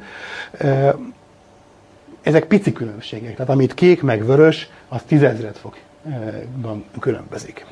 Mit lehet elemezni? Olyan típusú ö, statisztikákat kell felvenni, hogy mi a valószínűsége annak, hogy ha az egyik ponttól valahány fok távolságban megnézem a pontot, akkor ott ugyanolyan előjelű lesz a különbség, vagy kicsit nagyobb, kicsit kisebb. Erre megvannak a megfelelő matematikai technikák. Megvan az elméletünk arról, hogy ha azok a kvantumfluktuációk az infláció során felnőttek, stb., akkor ezt meg ezt kell mérni. És megvan ez az ábra, aminek alapján ki lehet mérni, hogy na mit is látunk az égen. És a kettőt össze lehet hasonlítani és ezt kapták. Vegyük egy kicsit le. Oh. Itt állandóan nagy van. Na ezt a görbét kaptuk. Köszönöm szépen. Itt az van fölül elrajzolva, hogy mekkora szögtávolság van. Tehát ez itt 90 fok, ezek meg itt nagyon picin, tehát az egy foknak a tört részének megfelelőek. Az elméleti fekete görbe, és a kísérleti pöttyök, amik itt vannak, csodálatosan illeszkednek egymáshoz. Pontosabban az volt a, az eredeti árban, hogy nem egy ilyen görbénk volt, hanem sok. Volt egy adat, amit nem ismertünk, az univerzumnak durván szól mondjuk az átlag sűrűsége. Ha van egy feltevés, ami mennyi az univerzum átlag sűrűség, akkor kapok egy ilyen görbét. Ha másik, akkor ezt a görbét. Harmadik adatra ezt a görbét. Akkor megmértem a pontokat, és kiderült, hogy egyik görbére pontosan ráilleszkedik. Ez azt jelentette, hogy az univerzumnak az egyik adatát pontosan megmértem. Ebből derítették ki például azt, hogy az univerzum sima, a különböző geometriája közül sima, hogy például nem fog bezáródni, nem lesz nagy recs, hogy hány éves az univerzum, meg egyebek. Ennek a méréséből deríthető ki. Most anélkül, hogy a matematikai részletekbe vele mennénk, tessék ezt észrevenni, hogy ez végtelen sok információ. Az, hogy megmérek egy pontot, egy adatot, azt, hogy valami, amire azt jósolták, hogy 4,9-re, azt kapom, hogy 5 egész plusz-minusz 2 tized. Hát az egy jó kis adat, lehet érte díjat kapni. Egy függvény pontos megmérés az végtelen sok adat. Mert hát ez a görbe kunkorodhatna így is, a mérési adatok, de nem úgy kunkorodik, pontosan ráélik. Itt azért e, nagyobb a szórás, mert ugye itt már a foknak a tizedéről van szó, itt már nem volt elég a mérési pontosság. A Kobi után föllőtték a másik szondát, a Planck szondát, bocsánat, a MAP szondát, Wilkinson MAP szondát, ez tíz évvel később repült, és sokkal pontosabban mérte meg. Hát ez az ábra, ami itt van, ez az előbbi pöttyös vagy foltosnak a finomított verziója. Itt már nem 7 fokos pontossággal, hanem már egy foknál kisebb felbontással mérték meg az égboltnak a, a mm, hőmérséklet eloszlását, és ennek az ábrának az analíziséből készült ez a, a másik. A most fog indulni egy vagy két éven belül, nem tudom pontosan, hogy mikor a Planck szonda, ami még sokkal pontosabban meg fogja mérni, ami azt jelenti, hogy erre felé sokkal pontosabb adatok lesznek, és még inkább be lehet lőni az univerzumnak a lehetséges paramétereit. Valahol kérdezték, hogy van-e másik elmélet a nagy bumbon kívül. Ugye a múltkor beszéltünk el a standard modell. Nincs, olyan értelemben nincs. Azelőtt voltak versenyképes modellek, ez is habokált valamit, meg az is steady state, meg Isten tudja miféle modellek. Azok a modellek nem képesek ilyen jóslatokra. Nincs ilyen részletes kidolgozott fizikájuk, hogy ha, ha ilyen meg olyan ötletet elfogadunk, hogy az univerzumnak ilyen a kozmológiája, akkor például milyen a háttérsugárzásnak az eloszlásának az ilyen spektruma. Egyszerűen nem tudja kiszámítani. Ebből a modellből konkrétan ki lehetett számítani egy olyan görbét, ami illeszkedik a, a, az adatokhoz. Ez azt jelenti, hogy ha mostantól kezdve akárki más csinál, száz év múlva, ezer év múlva jobb kozmológiai modellt, lehet, persze. Nyilván nem mi mondtuk a 2000-es években a végső szót. Az új modellnek ezt reprodukálnia kell. Természetesen még 100 millió más dolgot, meg új dolgot meg kell neki jósolni, azért lesz új modell.